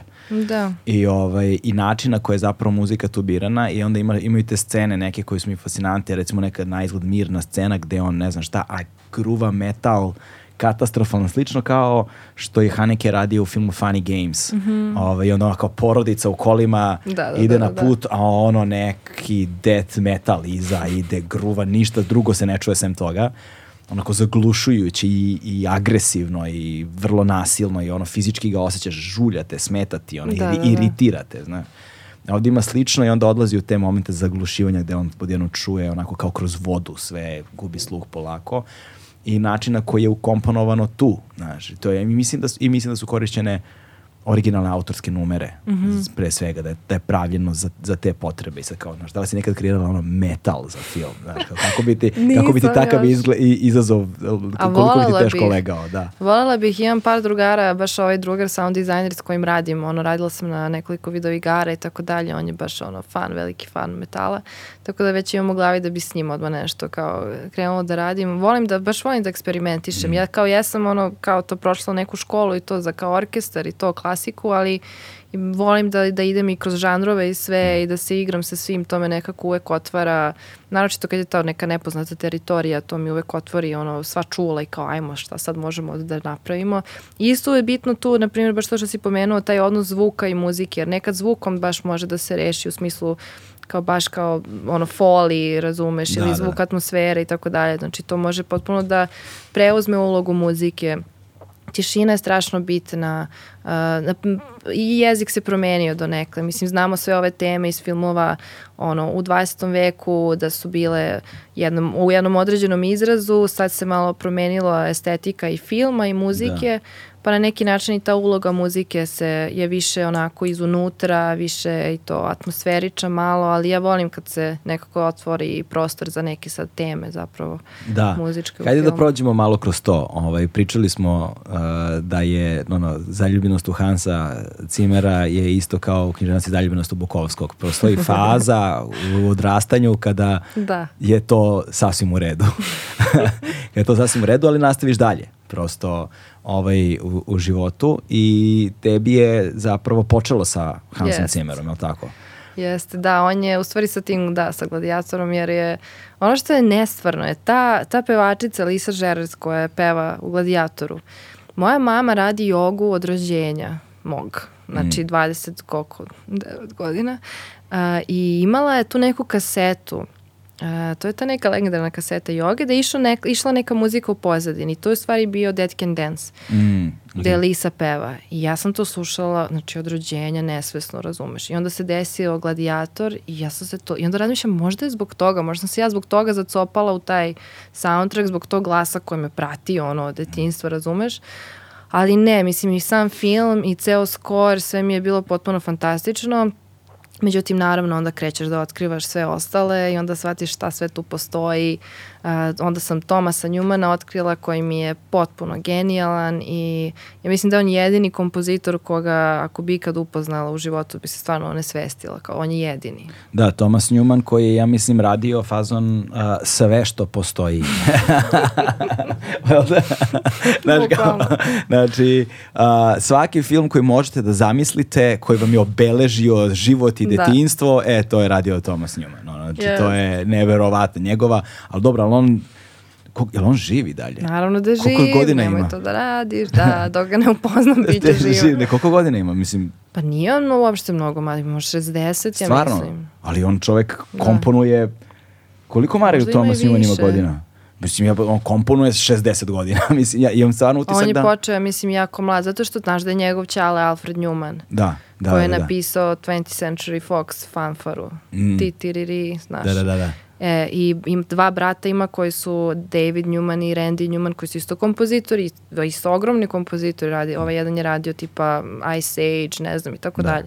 Lo, govorim, ali Thomas Newman je radi originalne Star Wars. Ima, uh, 67 godina, nije. 67, da. On radi originalne Star Wars i on je radio i pre toga, čoveče. Šta je, šta je najstariji film koji znaš? On je radio Shawshank Redemption. Tako je, Backstreet Shawshanka je radio. Green Mile, American Beauty, Uh, jo, ja volim ovaj film, ali to je kao, mislim, nije toliko popularan. Meet Joe Black sa, da, da, sa da, da, da. Anthony Hopkinsom i Brad Pittom, to predivan film.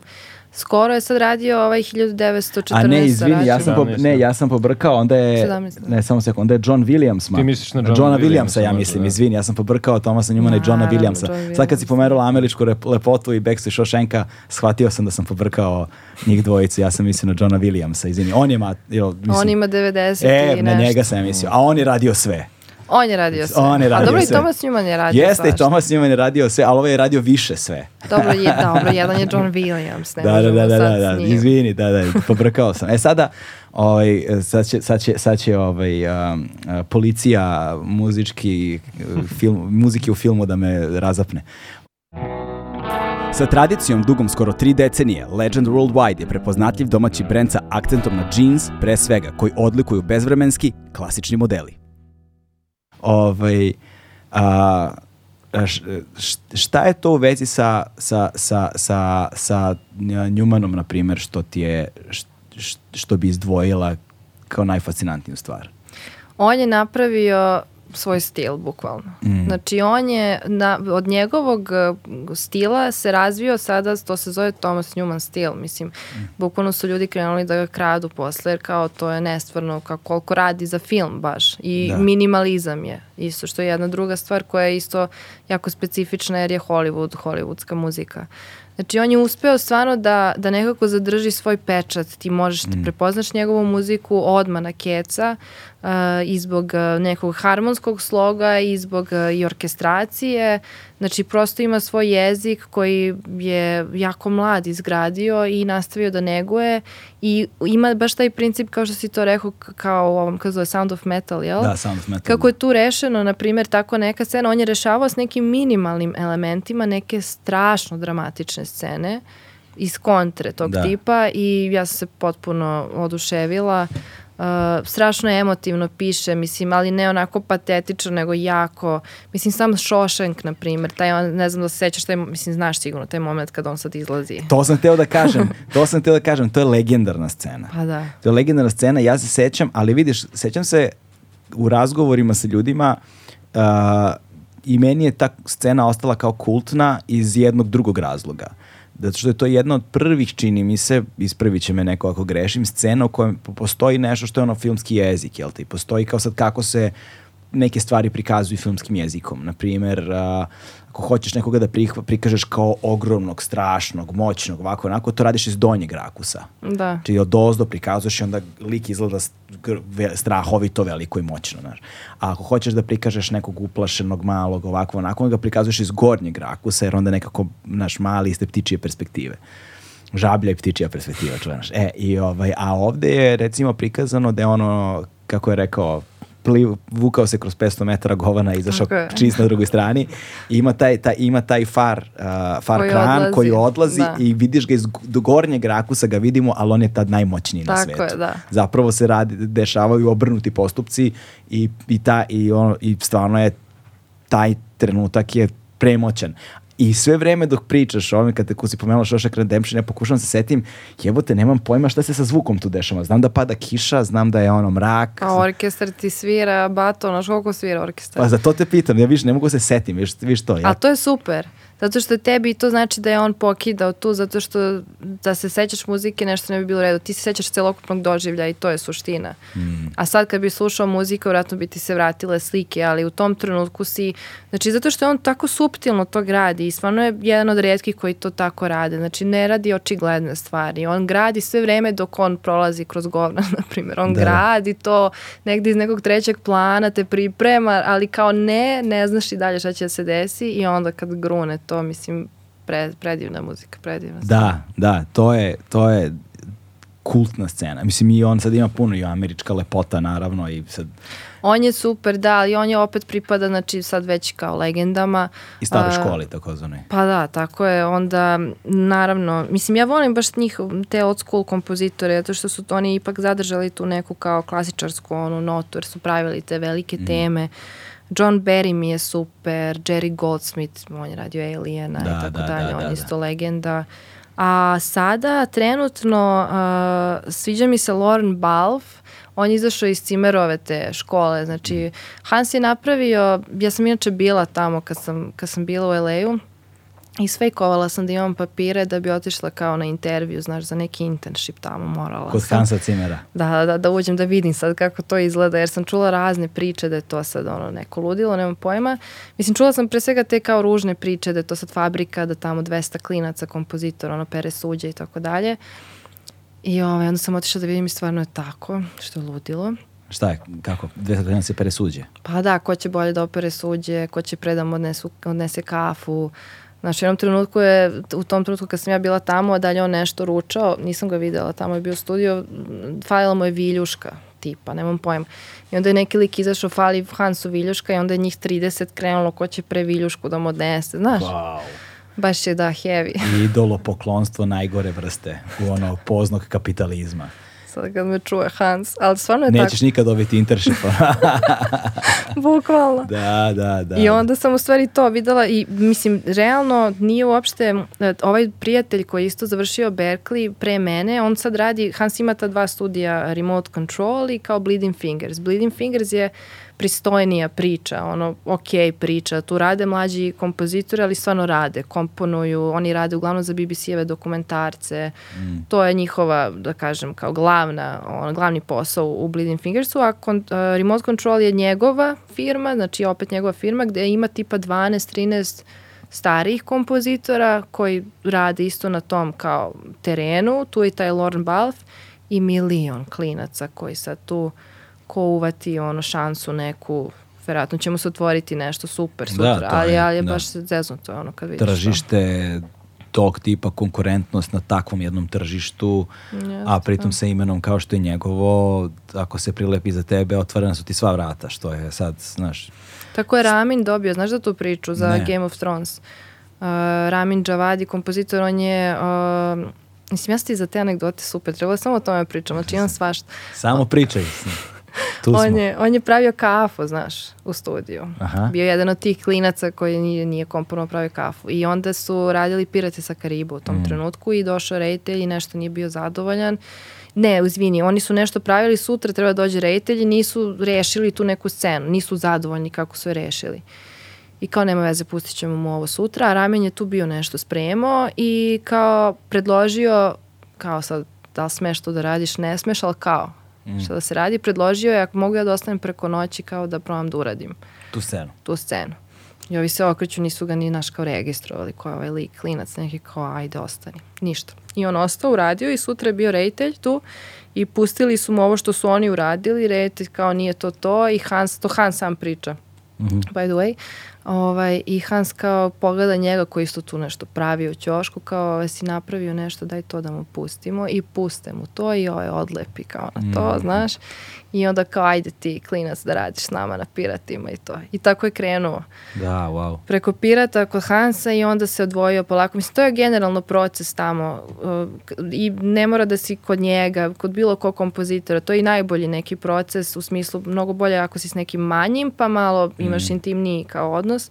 Kreneš kao asistent, uključite u projekte i onda posle nekog vremena te pusti u smislu, evo sad sam dati neki projekat da sam radiš kao kompozitor, da nisi više kao asistent i tako dalje i onda tako može da ti se napravi super neka kao karijera u tom smislu. Da, čoveče, koliko je, ne, teško je iz ove pozicije zamisliti nemilosrdnost jednog takvog tržišta ono u epicentru Hollywooda, znaš, to, to je to, to je mainstream industrija, to da. je najveća, to je maš, globalna mašina najveća na svetu i za veliki broj uh, umetnika to je ono end goal što bi rekli, jel te, znaš, kao krajnji da. cilj. Tu ako uspeš, to je to, uspeo si, znaš, ne treba ti više ništa u život, ni, ništa, ništa dalje.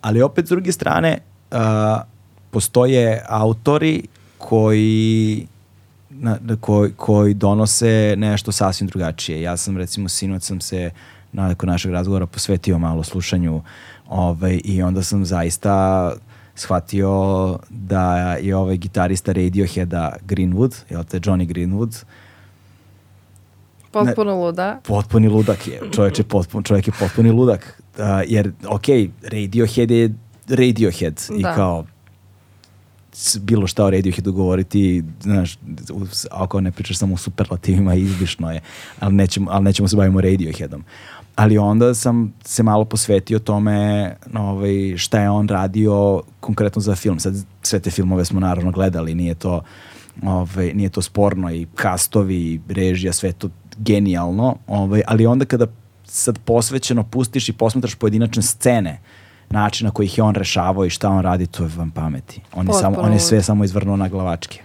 Meni je to neverovato jer ja sam uvek, ja kad sam krenula da radim filmsku muziku i kad sam izašla s faksa, u meni je bilo dosta te savremene muzike i to savremenog jezika i nekako sam kao, bilo mi krivo, jao pa ja sad ne mogu to da uključim u film jer kao ne bi trebalo, nije to ta...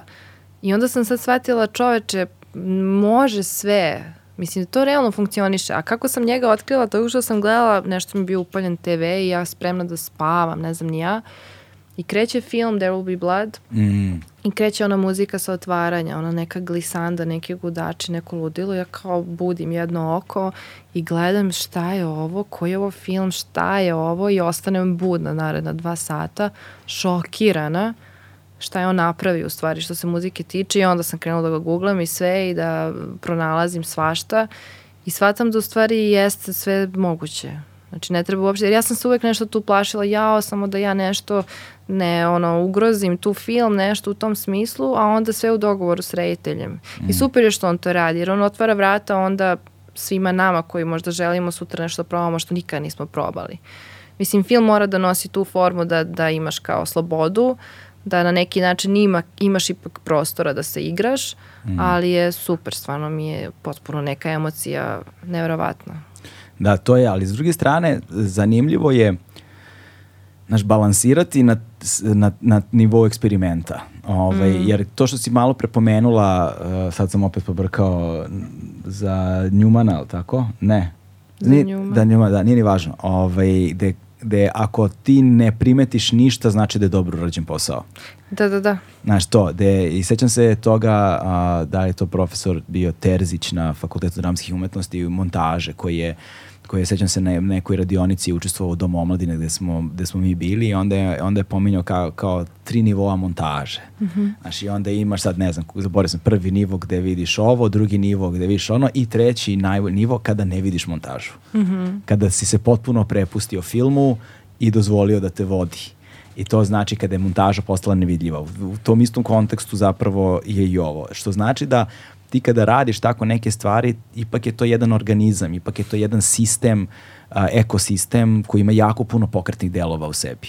I onda nije ni tvoja sloboda u potpunosti tvoja sloboda ukoliko nemaš tim drugih aspekata, drugih uh, sfera kreiranja tog filma koji će tebi da daju tu slobodu. Tako je, da. Sa kojima ćeš ti moći dobro da se razumeš. I da oni mogu s onome što one rade da ispolje stvari na takav način. To ipak mora da bude jedna sinhronizacija da kreirate te neki simbiotički efekat gde se stvara jedan efekat koji niko od vas sam za sebe ponosob nema, ali kad se sve sklopi zajedno dobija se ta, ta punoća. Ali s druge strane, da bude nevidljivo.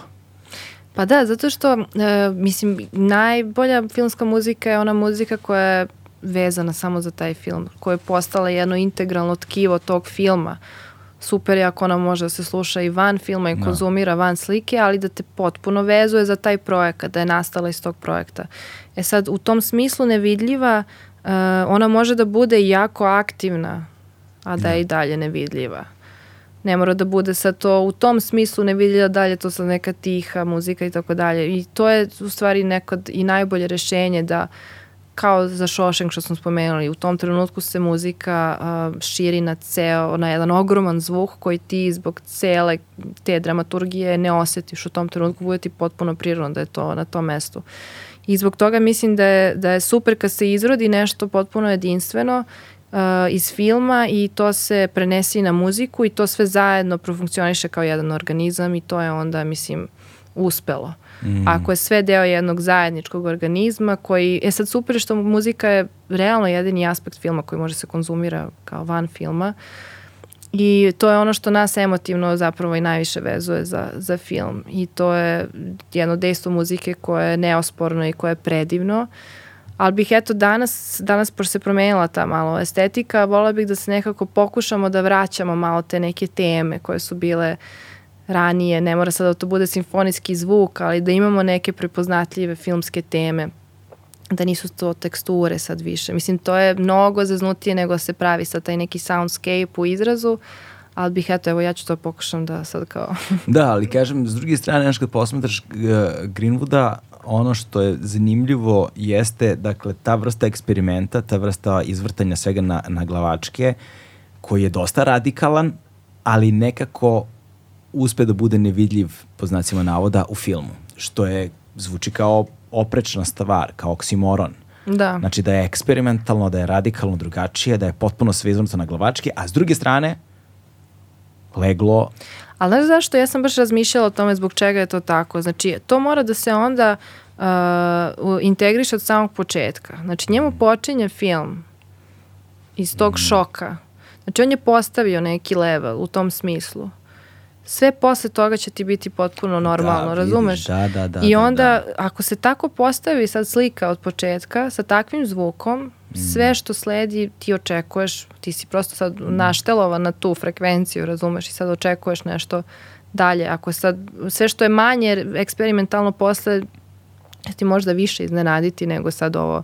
Da, da, da. I to je taj protok vremena u stvari koji... To je taj umetnički postupak. Sad razmišljam kada si tako pomenula i zapravo savršeno ima smisla. Jer to, to znam, sad se ja vraćam opet na ono što je moja negde teritorija, pardon, a to je naracija, odnosno prevaskodnu književnosti, ja potom i prenešena u film. Recimo, kada govorimo o stilsko-tipološkim odrednicama žanra, i ti sad imaš fantastiku, eto, Game of Thrones smo pomenuli, ili da. neki tako, Igru prestola, jel te? Ove, ovaj, I ti sad imaš jedan svet koji nije stvaran svet, jedan svet u kome postoji magi, magičan svet, jel te? koji ništa tu nije ni po zakonima fizike, ni po zakonima verovatno, i sad ti ja znam, ali postaviš pravilnost tog sveta, znači postaviš pravila u odnosu na taj svet, to je ono pravilnost intermundijalnosti, jel te, zamišljenog sveta. Da, I onda da. ti postavljaš uh, nepisana pravila između čitača, odnosno gledalca i tog sveta i onda si jednom postavljena ta pravila, koliko god da su neverovatna, ali postavljena tad, e onda njih moraš da poštuješ. Tako je, da. I kad njih narušiš, tada stvar deluje neuverljivo, ali dok poštuješ ta pravila, koliko god da je nestvarno ludilo koje se dešava, ono je smisleno unutar pravilnosti tog sveta. Tako je, da. Da, i to je... To je, to je, budeš dosledan, da. Moraš da budeš dosledan tome, da, i, i to mi se sada savršeno dovezuje na ovo što si ti pomenula. Jeste, zato je on tu, ali mislim da ti počneš od toga da postaviš tako kao zvučnu sliku od samog početka Mm. filma. Je opet, mislim, nivo ono, nekog, neke dubine, nekog razmišljanja, nekog eksperimentisanja koje je doveo do toga. Da. Da. tvoja početna ideja bude toliko eksperimentalna i da ti bude potpuno okej svima da bude, jer to je isto stvar koju možda ljudi nisu svesni. Mislim, ja šta god da napravim, reditelj pre svega prvi odlučuje da li je to okej. Kod nas je možda se i tu završava, ali tu neka može se uključi i montažer i producent, ali u Hollywoodu 30 ljudi odlučuje da li je to okej. Da. Taj jedan, jedan, jedno parče muzike. I to je potpuna katastrofa, jer svako ima neki svoj kao osjećaj. Mhm. I onda, na primjer, to probiti i tu uspeti da kao, da plasiraš tako nešto eksperimentalno, je meni potpuno fantastično. Ali dobro, on je ipak ovaj, gitarista benda Radiohead, znaš, i siguran sam da to nosi odre, izvesnu dozu autoriteta Jeste, da, da, da. i izvesnu dozu socijalnog kapitala, društvenog kapitala. Je njegovo ime da stoji na špici ipak daje jednu dodatnu vrednost takođe. Sve su to stvari na koje se obraća pažnja u Hollywoodu. Jeste, da. Znaš, Ma, ipak- čula sam ja priče da i mnogi imaju problema veliki, da imaju, Pa dobro, ja, da ih maltretiraju ono. ti, imaš, ti imaš te anegdote, ja ih nemam, ja samo pretpostavljam stvari. Da, da, da, ima, ima obe strane, svašta, da. Da, to mi je, to mi je, to mi je potpuno fascinantno. Jer, znaš, s jedne strane, onda, onda sam posmatrao, recimo, sinoć sam gledao na YouTube-u i tako svako, znaš, svašta, znaš, koliko se to, kad ukucaš Johnny Greenwood na YouTube, pa analiza njegovog zvuka, postoji beskonačno mnogo videa. I onda vidiš, i opet se vraćam na ono što sam pomenuo malo, bio negde u toku razgovora. Meni je potrebno da mi neko da Input, u stvari šta da... u input na šta da obratim pažnju, sam neću primetiti. I onda su recimo pokazivali, pričali, ima cele priče o njegovom tempu, koji se, kog nema Da, koji ono, ne možeš da ga uhvatiš za tempo. Sve, sve je potpuno na izgled haotično. I posebno to There Will Be Blood ima tih pokaz scena gde njegov ritam, kakav je ovo ritam, šta uopšte nije ritam, Da, ali da, da, da. savršeno ide uz ono monstruoznost scene u kojoj se nalazi. da, da, da, ono nafte, mašine, ne sećam Da. se baš te scene, to mi je baš strašno ostavilo utisak odjednom. I sve su gudači, na primer. Mm. Mislim, sad u tom smislu, sad opet to film diktira isto na neki vrst, na neku vrst, na neki način i, i vrstu instrumentarijuma. Znači, koje sad, tu boje se sad treba, trebaju, znači Marvel diktira orkestar fantazija i tako dalje, ne znam, ono, There will be blood, ne znam na koji način su oni došli sad do tog rešenja, ajmo samo gudače da koristimo, koji su prilično jedan kao elitni sad sastav, razumeš?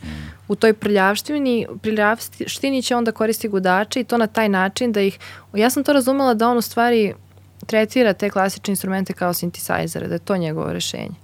Znači on ih razvlači, ono lupuje, ali u živoj svirci kao na, notira na taj način da oni sviraju kao da su neki sempleri, kao da su neki znaš, kao analogni synthesizeri, bukvalno. Ali koristi on dosta analognih synthesizera. Pa da, zbog toga mislim da je on i promenio pravac u tom smislu, jer je iz tog backgrounda ušao u kao neku klasično raspisivanje i orkestraciju i onda je i te neke standardne, ono, simfonijske stvari koristio na taj način. Da. E, sad, s druge strane, ovaj, malo se postimo tvom radu. Uh, uh, ti si uh, radila na brojnim projektima ovde, neki od poznatijih što, koji bi ljudi mogli da budu poznati, svaku serija Besa. Aha, tu sam s Nemanjom, da, radila sam orkestraciju tu.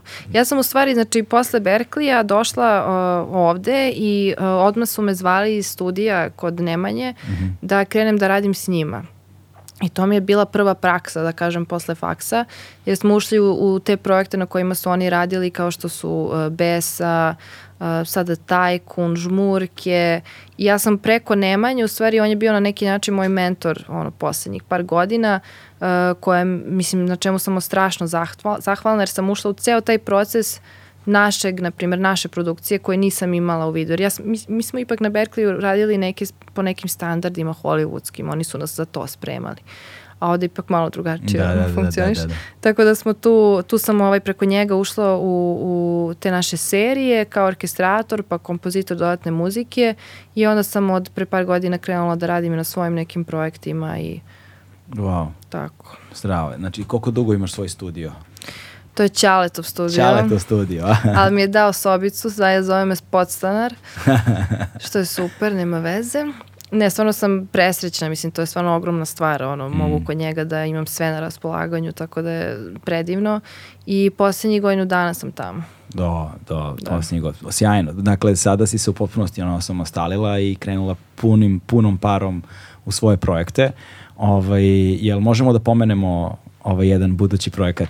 Pa možemo, mislim, to će se desiti sigurno, samo što ne znam kad, ali ajde, ovo je premijera kao. Dobro. Dobila sam pre, znači, godinu dana, uh, to je Alliance for Women Film Composers u, u Americi, organizovali su mentorship. Znači, oni su organizovali mentorship za žene kompozitore, za šest žena uh, koje spajaju sa hollywoodskim kompozitorima. I mene su, ja sam to dobila i tad su me spojili sa uh, Joe Trapaneze koji radi sada za Netflix, za Witchera, za Shadow and Bone i tako dalje da radim s njim šest meseci. I on je potpuni car. Ja sam se toliko šokirala koliki je on potpuni car i stvarno mi je uh, otvorio ogromne neke stvari i što se tiče samog rada i što se tiče nekih uh, poslovnih stvari tamo i sada u, u posljednjih mesec dana radim s njim na, na zapravo na Vičaru i to će, to bi trebalo sledećoj sezoni da izađe to nešto što sam komponovala za njega, tako da je to super isto stvar. Znači, Ana Krstajić komponuje za Vičara. Polako, da. Polako, samo što, samo, samo, što, samo što nemamo Supermana, koliko sam primetio u trećoj sezoni. Nemoj, to je najgora Kako stvar. se zove? Uvijek zaboravim njegov. Henry Cavill. Henry Cavill. Neće niko gledati tog vičara sad zbog njega, nema veze.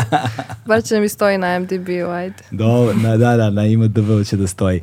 Ove, a šta je to što, što ti je zapravo on otvorio u, u samom procesu rada? On je meni u stvari e, nekako približio taj real life tamo koji, na koji način to funkcioni, funkcioniše. Od nekih tehničkih stvari tipa kao ja sad kad radim s njim, kada komponujem muziku, na koji način ja njemu šaljem tu muziku. Mislim, to su neke kao banalne stvari, ali su potpuno, se zna na primjer koji je sistem.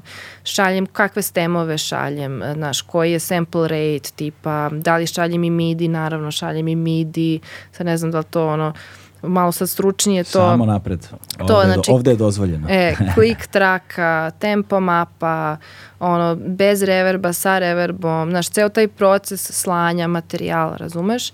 I isto uh, na koji način se tamo realno dešavaju stvari, uh, ceo taj proces, znači odnosa reditelja, kompozitora, odnosa produkcije i kompozitora, isto stvar o kojima se uopšte ne govori, to je kao neki tabu, znači to potpisivanje, na primer, asistenata, kompozitora. Mnogi tamo, mislim, ja to stvarno ne volim, ono, ako neko nešto doprinese projektu, uvek treba da bude potpisan, ali mnogi to ne rade, razumeš, tamo, kao treba da ti, imaju taj neki tu neku ideju kao da tebi super uspeh da ti uopšte kao radiš na projektu, nema veze ako nisi potpisan, mislim ne, ono kao moraš da budeš bar neki nešto, baš, bar to što si uradio, razumeš, da dobiješ taj neki kredit.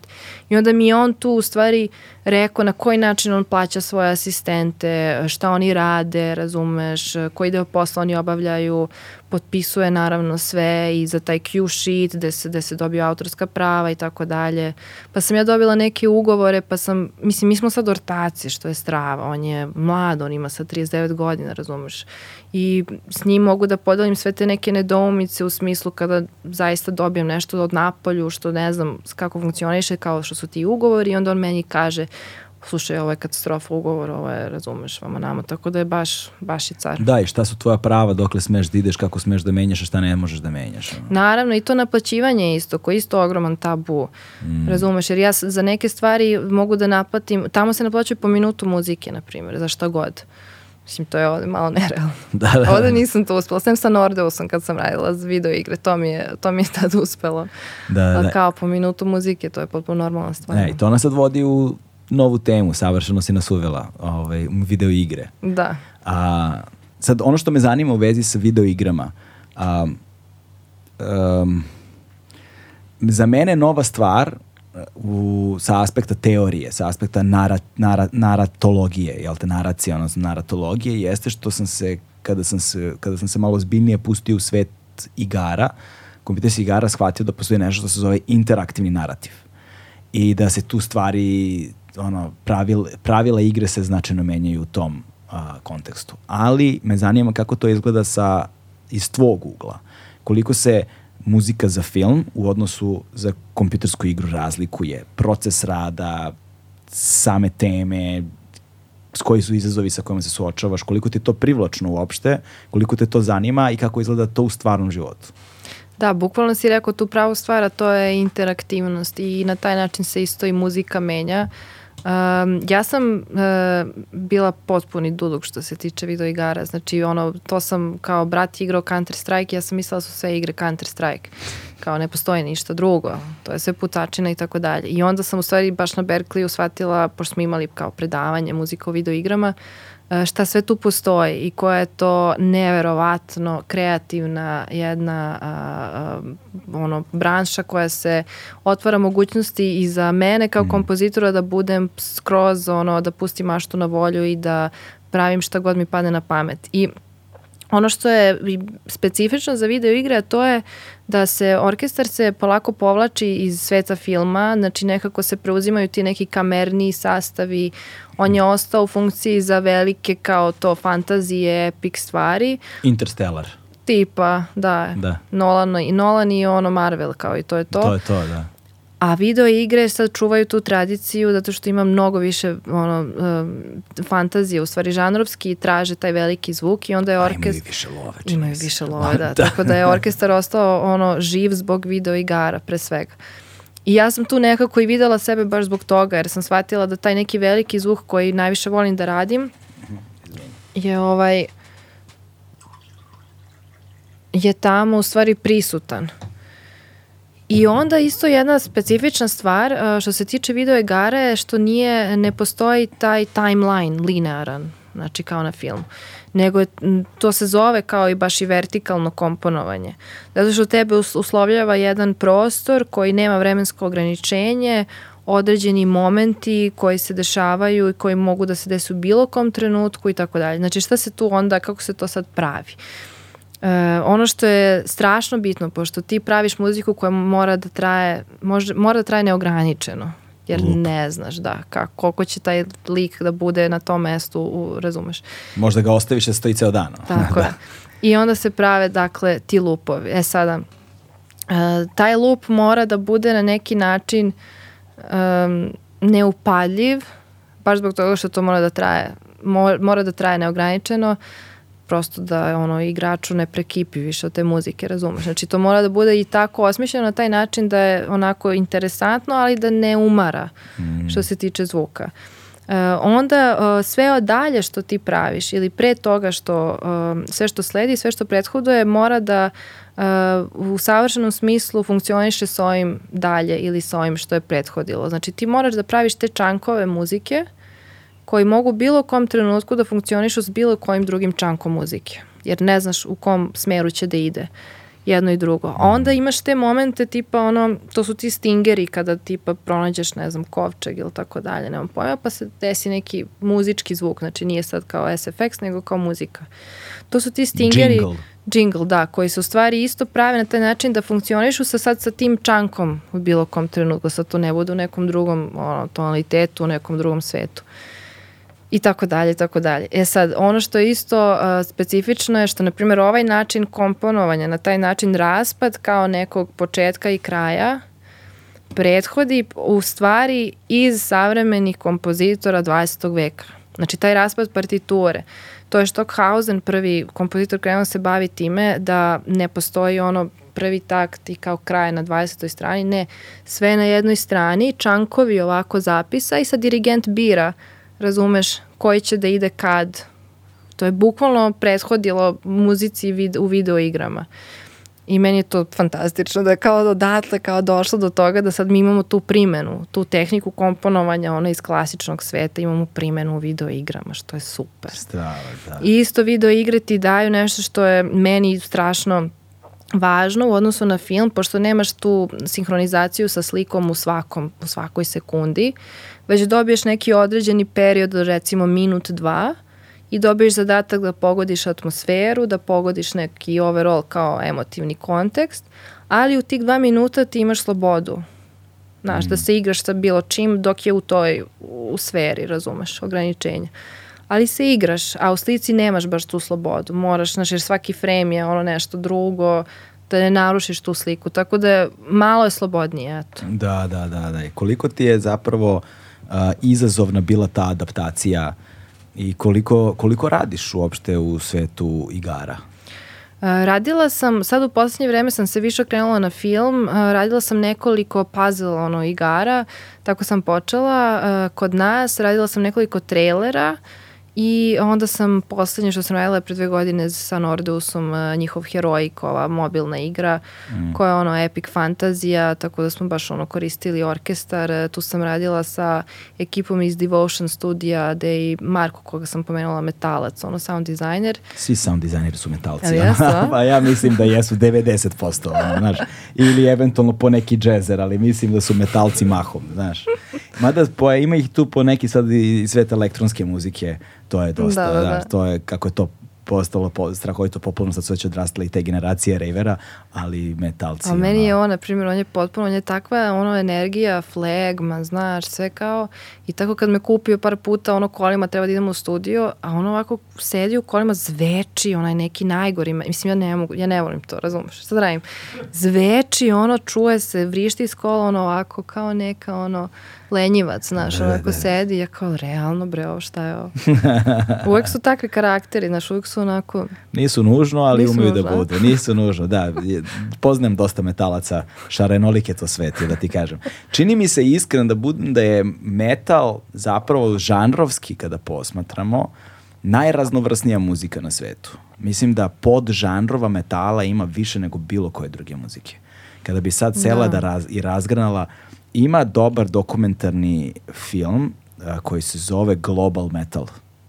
Je lik koji je antropolog, a, može na YouTube-u da se nađe. Veoma je zanimljiv zato što je antropološki dokumentar mm -hmm. zapravo. On ovaj, nije, ne stavlja toliko akcenat na muziku iako je o muzici.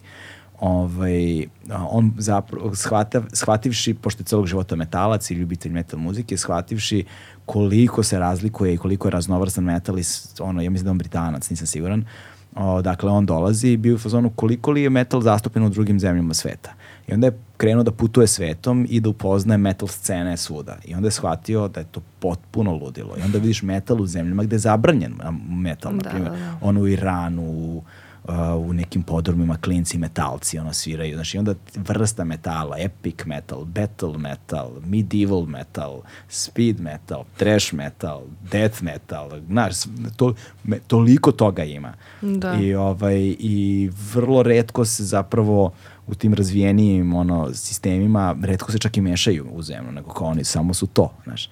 Strašno da, posvećena, da, da. strašno posvećena To publika. sam ja primetila, bar preko njega, da se to, da je to neka posebna veza, ono, i da posebna to ne sme se dira uopšte. Nikad. da, to je sveta veza. I čini mi se da jedino od savremene muzike uh, čini mi se da nekako ono način na koji klasičari ono su u svom svetu, džezeri u svom svetu, čini mi se da jedina muzika kojoj van tog sveta koja čija publika strahovito podsjeća ovaj, na, jest. na ovo je metal publika. Pa jeste, Jer da. među metalcima, ono, band promeni gitaristu, čao, gotovo, najgori band. znaš, to je jedina muzika gde sam ja bio, ono, da odeš na koncert gde je recimo 100 ljudi u publici, 90% ih svira neki instrument. Razumeš, 90 od 100 ih svira neki instrument da. imaju svoj metal band. Da. Uh, jako je malo takozvanih casualsa u tom svetu. Znaš, dovoljno je radikalan da, da, da, da. da zapravo, je, da zapravo ima puno filtera koje moraš da prođeš da, da, da bi ono zaista ostao tu.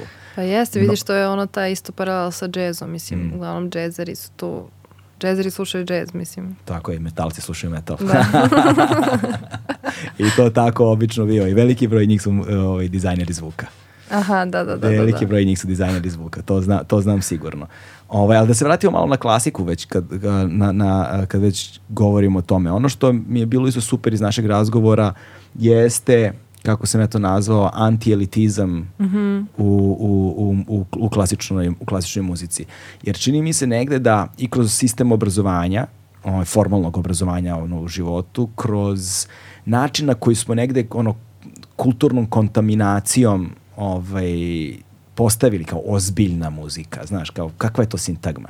Šta znači ozbiljna muzika, pošto ova druga neozbiljna, ne razumijem. Ma da, to je... Ali to je Da. udaljilo ljude. Naravno, Znaš, pa da. prosječnu osobu. Imate izreka koja kaže da jedino mrtvo pozorište je autistično pozorište. Dakle, Da. ono, koje, ono koje se ne obraća više običnom čoveku. To je veliki problem sa književnošću posla, sa književnom kritikom da ne govorim. A, veliki problem je postao naravno sa pozorištem, veliki problem je postao i sa klasičnom muzikom, džez muzikom i onda su nekako pali u taj neki, tu neku sferu elitizma gde onda prosečna osoba ima strah da pristupi, Tako da. da. ne bi ispala glupa, da, Da. ili šta ti ja znam. E sada, ono, kakva su tvoja iskustva zapravo sa time i, i, i, i na koji način ti misliš da toga možemo da se oslobodimo? Pa evo ja, na primjer, mislim, ja stvarno ne, ne, ne, ono, polazim iz neke sad elitne porodice, ono, Ne. mislim, ja sam sa žabljak čoveč, ono, razumeš? I kao iz bloka i kao a klasika je nešto što najviše volim na svetu. Mislim, samo počevši od toga i to me baš nervira, to ozbiljna muzika. Mislim, to se stvara, stvara se strah, naravno, i, i možda će neko da, da pomisli, jao, pa ja nemam kapacitet verovatno to da razumem ili da osetim. A to je sve, sve na bazi u stvari tog osjećaja. Tu nema šta, ne, ne treba se traži za razumevanjem, ne treba da se traži za nekakvim um, analitičkim slušanjem. Ne, znači to je jedan doživljaj. Sad da li si ti otvoren za taj doživljaj ili nisi, ono što ja znam je da je lekovit i to je to. Jer ljudi isto često zaborave da je to jedna fizička stvar, slušanje uh, simfonijske muzike pre svega, jer mi na sceni imamo 60 muzičara, svako od njih pravi jednu frekvenciju i ti sve to primaš svojim telom u publici. Znači nisu uši jedini receptori s kojima primaš muziku. I to te, te vibracije, ja sam sigurna da to ima lekovit proces i da zbog toga pre svega kao aj zbog zdravlja idite ono na kolarac i slušajte kao orkestar, ali stvarno. A onda idemo dalje, znači ta, ta veza sa nekim praistorijskim, zbog čega mi tako reagujemo na muziku, zašto ona budi ta, ta osjećanja kod nas, to naravno nije kao dokazano i dalje, ne zna se i dalje zbog čega, dalje zbog nečega što smo ranije čuli, da li zbog čega nam neki kompozitori više prijaju od drugih, ali mislim da je jako važno da se baš na taj način otvori ono što je super je što je sada aktuelni, što u stvari sada direktor Kolarca Aleksandar Peković otvorio vrata a, i malo modernijom, modernijoj slici Kolarca. Mi sada pravimo i koncerte muzike za, za video a, iz video igara i zapravo je to i neki put na koji želimo da privučimo i neku možda mlađu publiku uh, u Kolarac da slušaju orkestarsku muziku, pre svega kroz ove koncerte, kroz muziku iz video igara koja je njima poznata. I mislim da je super i da klinci nekako uđu na Kolarac i u stvari slušajući, ne znam, muziku iz ono Super Marija ili Tetrisa, shvate u stvari šta je potrebno da se ta muzika dobije u stvari, da, da dopre do njih. Kad vide taj orkestar na sceni, kad vide u stvari koji broj ljudi zapravo pravi tu njihovu muziku na koju su oni navikli da slušaju u, u igrama, mislim da je to isto jedna super konekcija. A opet s druge strane treba da se isto razume da uopšte, znači bar moj posao a sigurna sam i posao muzičara uopšte nije toliko elegantan koliko se predstavlja. Mislim, ja stvarno nekad sam u fazonu to ono što smo rekli, ono laboratorijski pacov, bukvalno u studiju, voljela bih da nekad žalim za nekim poslom, tipu ono, ajde kancelarija, bar su tu drugi ljudi, znaš, kao nešto, pauzica, kafica, ovako sama u studiju, pa maltretiranje, pa dalje dobro, pa nije dobro, pa rokovi, pa vamo namo, mislim, nije uopšte elegantno u tom smislu, daleko od neke elite u tom smislu. Da. A to se jeste, malo se to propagira na fakultetu, mislim to i na FDU, ja sam sigurna, čula sam da isto ima tih momenta da smo mi nešto, sad umetnici su nešto iznad, ne znam, ni ja, mislim ja se potpuno ne slažem, to je prosto kao što ti imaš dar za nešto, ja imam dar pukim slučajem za muziku, mislim imamo darove svoje za određene stvari i mislim da smo potpuno jednaki u tom smislu. Muzika je malo abstraktna, pa možda zbog toga nekima potpuno neverovatno da, da, se, da se pronađu i da to spoznaju kao još jedan od darova u tom smislu, ali mislim da je, svako može da je konzumira i da svako treba da je konzumira i da treba da budu samo ljudi otvoreni za nove stvari. Ja sam isto imala u jednom trenutku um, taj fokus na samo klasičnu muziku i bila sam zatvorena prema svim ostalim žanrovima muzike jer kao ne, ovo je najbolje na svetu. Da, da. I meni je baš profesorka na fakultetu bila u fazonu slušaj, znači sve. Znači ona nam je puštala Šabana Beramovića ono, u, u, i kao terala nas da igramo i sve, otvarala Šaban nas je... Šaban je ozbiljan, da. Šaban je ozbiljan, nema zajebavanja. Da, ali jako forsirala to koliko On je naš, važno on to, je, da. on, izvini, on je naš New Orleans. Tako je. Da, da, da. Ja, na primjer, sam preko nje otkrila Šaban jer sam baš bila ono, samo klasika, samo klasika. Mislim, katastrofa. Ono. Ali to otvaranje i to u stvari kad ti kupiš inspiraciju iz različitih žanrova za nešto svoje što je, što si potpuno, što je potpuno drugi žanr, mislim, to je najbitnije, ta otvorenost. I meni isto taj Berkeley otvorio me u tom smislu. Tre kulture, različite kulture. Ja obožavam world music, pa sad Indija, Afrika i tako dalje. Tu mogu da se pronađu neke neverovatne stvari. Samo treba biti otvoren. Da, Ibrahim Aluf. Ibrahim, da. da to, ali recimo pomenula si malo pre uh, Super Marija, re, znaš, Mhm. kao i ko, muzika iz kompjuterskih igara. Ja sam uvek tu, ono, sve to osmobitna, 16-bitna, ono, Nintendo muzika i, i tako da. Ja sam to doživljavao zapravo kao ono pravac za sebe, posebno što su eto i u metalu kasnije krenula imaš Nintendo metal, Da, Nintendo da, da. Core, samo sa 18 osmobitnim zvukovima pravi isključivo. Da, Mislim, da. potpuno ludilo. Ali onda sam otkrio uh, japanski band Cassiopeia.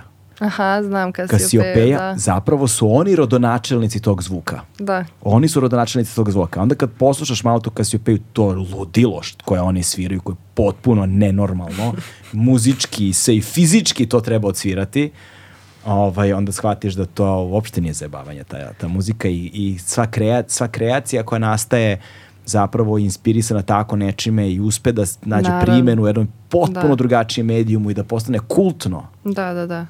Kompozitori su tad bili potpuno limitirani, zbog toga su nastale te legendarne teme, jer su oni imali limit na osam zvukova u istom trenutku i čak u Super Mariju nije bilo prostora da u isto vreme ide zvučni efekat i muzika. Zvučni efekat je isto oslika na neči, na neki način muzikom, nije naravno Mm. bilo efekat. I onda ti kad igraš igricu možeš da primetiš kada on preskoči ono pečurkicu, nestane deo muzike da bi se čulo to, jer bilo je potpuno ograničeno. Kada uzme, Da. kada pokupi pečurkicu ili kad to. nešto da... I onda se nastavi muzika jer nema mesta da ide sve u isto vreme. I onda su oni morali zbog toga da naprave, cilj je bio da naprave naj ono catchy melodije za sve i da bi prosto to je bio jedini cilj, ne sad kao da se nešto sad izmišlja tu, nego kao idemo catchy melodije, da se pogodi direktno, da bude, da iskomunicira i tako dalje. A mi ćemo sad na ovom koncertu prvom da imamo kao soliste LP duo ko ideja je da oni predstave sa svojim synthesizerima, m, sa synthesi- synthesizerima originalan zvuk u stvari igara i onda da to preuzme orkestar i da čujemo, Wow. da, kako će to zvuči, kako bi to zvučalo da je danas kao pravljeno. On. Wow, a to je onaj kontekst koji meni nedostaje. I super je kada ga pri, pri- prikažeš ga originalno i odmah nakon toga sledi ono orkestracija Tako je, i onda da. dobijaš kontekst za prosečnog čoveka i mislim da je to, To. baš važno. Znaš, i, Super, i, da. I da je popularna kultura zapravo veliko polje demokratizacije ovaj, sadržaja, jer uh, uh, popularna, popularna kultura, bez obzira da li je film, da li je muzika, šta god daje, je nešto što je zajedničko svima bez obzira iz koje sredine da dolaze. Da li su siromašni, da li su bogati, da li su obrazovani, neobrazovani, akvi ili onakvi. Ovo je nešto čemu svi znaju gde svi mogu ravnopravno da učestvuju. Može da bude jako dobra početna tačka, odskočna tačka, odskočna daska za nešto kompleksnije i nešto dalje Upravo za to, dalje da. putovanje, da imaš ulaznu tačku u jedan svet koji ti na izgled deluje zaključan u suprotnom. Tako je, da. I mislim da je super da se i napravi, baš zbog toga želim da napravim taj malo edukativan pristup, da se u stvari oseti koja je, koji je zadatak bio kompozitorima, a u isti mah ćemo imati taj interaktivni moment na koncertima, e, kada ćemo izdvojiti jednog iz publike koji će moći da igra igru u real time i orkestar će ga pratiti. Wow. I na taj način će onda bude i na, imati neku ulogu dirigenta jer orkestar prati ekran u stvari, prati šta se dešava. Ekran diriguje. Ekran diriguje, Ekran da. diriguje, wow, Tako da će fora. i tu da se isto malo bolje razume š, kako sad se to pravi da bi moglo da funkcioniše na taj način da se ovaj menja u datom trenutku i tako dalje, Mm. jer kao nikad se ne zna, u real time u stvari da se menja. Da. Genijalno, čoveče, genijalno. Tvoj album.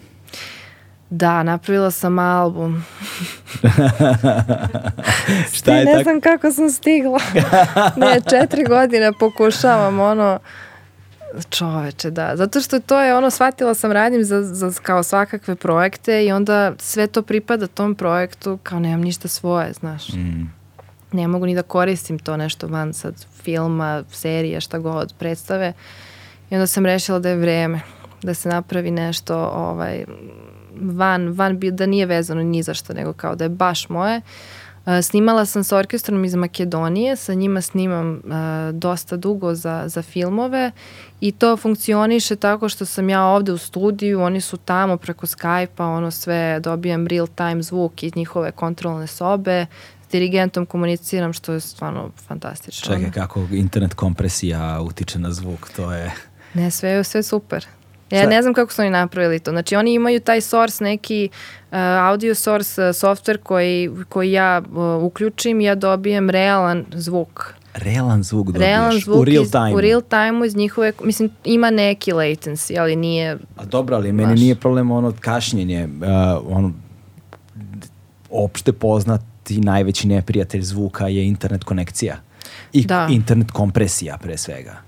Da. Zato što, znaš, evo, recimo, svi ljudi koji koriste Zoom, Skype ili šta god, kako vam zvuk zvuči, jel te kad razgovarate s ljudima preko Skype-a. Ja sam recimo taj problem imao kad snimam um, posebno za vreme lockdowna u covidu, kada snimam te online intervjue. Da. I onda je jako veliki problem taj zvuk koji ja dobijem od sagovornika jer ide kroz tu internet kompre, ima ta internet kompresija koju ne možeš ništa da uradiš. Ovo je taj sistem da ti radiš, znači ja sam sa drugom, sa drugog kompa povezana preko Zooma, Skype-a, šta god.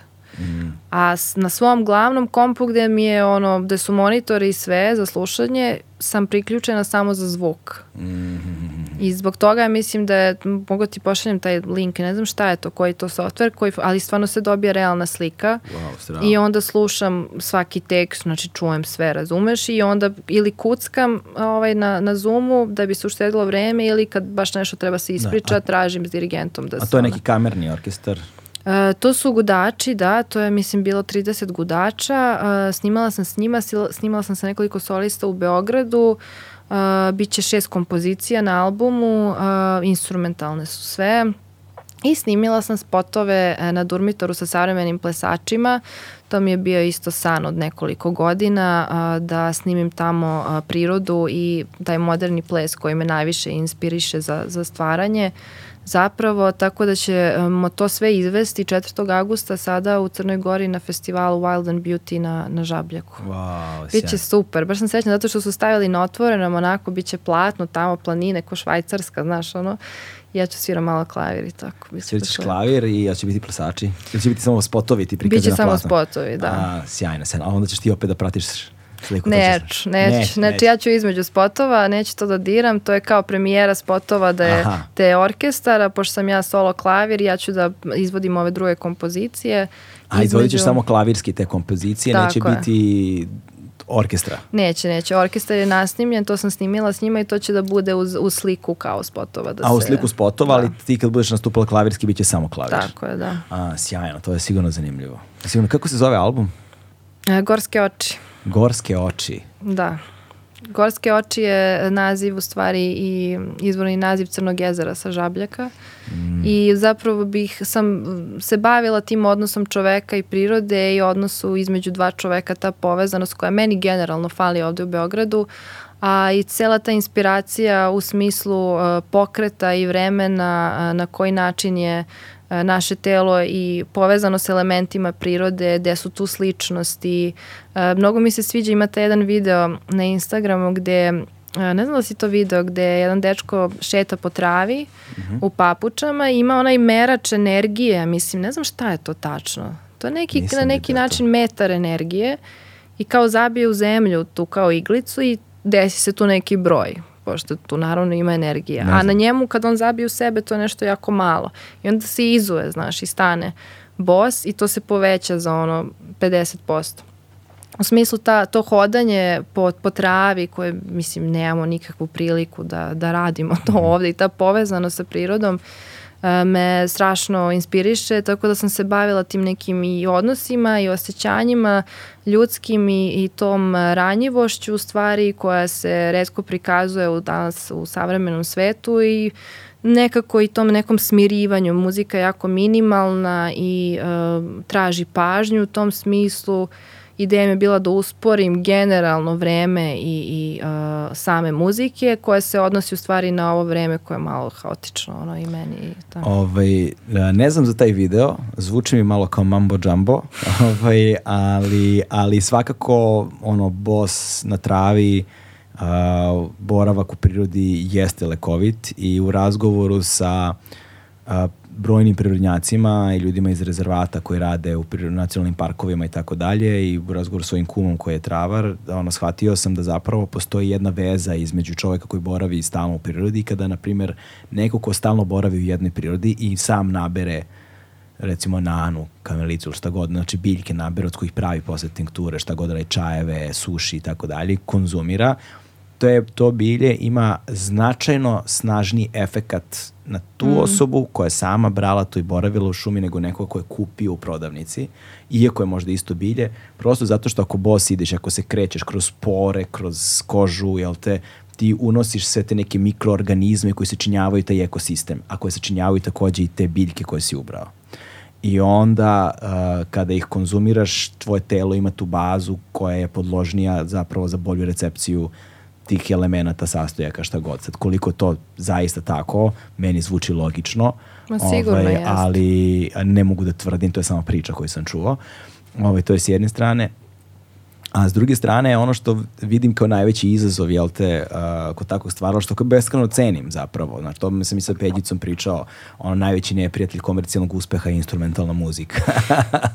Ako nemaš vokale i tekst i to u problemu si u startu, neće biti mainstream, znaš.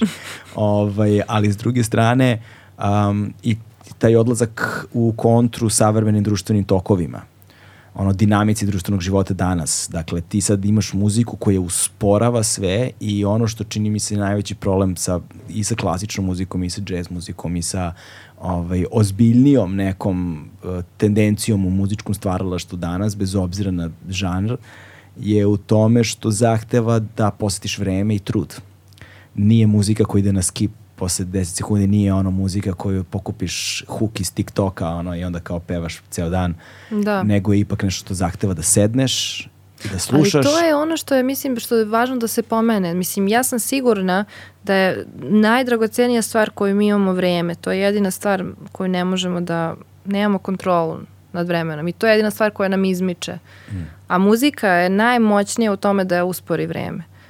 I sad mi kad shvatimo tu, tu moć muzike, koliko ona može da nam na neki način iskontroliše to vreme, da mi kroz nju možemo da iskontrolišemo vreme i da doživimo vreme kao da sporije teče. Mislim da je to zapravo ta najveća moć i na taj način je ona baš i lekovita i na neki način da. i meditativna i mislim da da je, da je to samo varka ako mi slušamo sad neke stvari koje su nam to na prvu loptu interesantne, to, TikTok i tako dalje, to nam u stvari od, odmaže zato što nam ubrzava mm. protok vremena. Ako se posvetimo pažnju to, čitanju knjige, tim nekim stvarima koje nam usporavaju vreme, bit će nam ispunjenije definitivno ono, i dan, i mesec, i godina i imat ćemo utisak da kao da živimo u stvari duže. Zapravo. Samo, samo što se to strpljenje uči.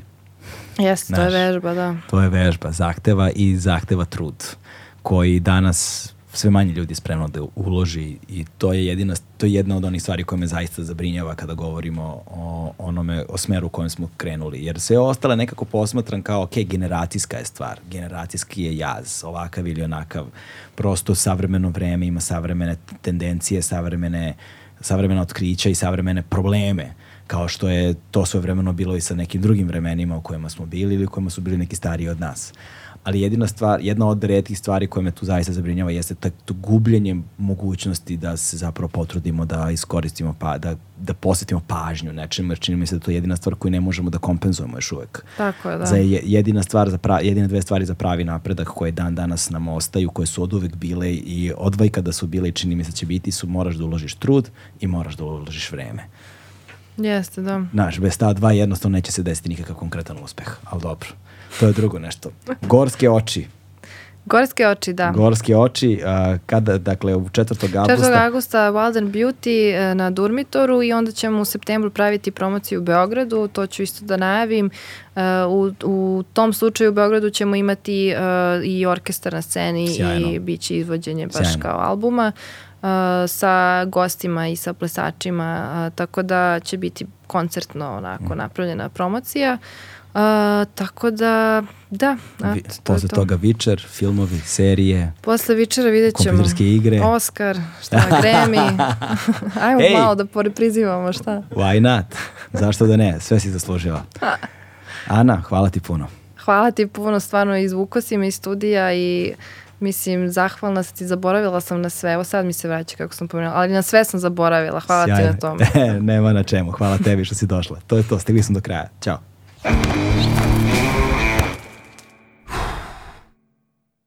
Hmm.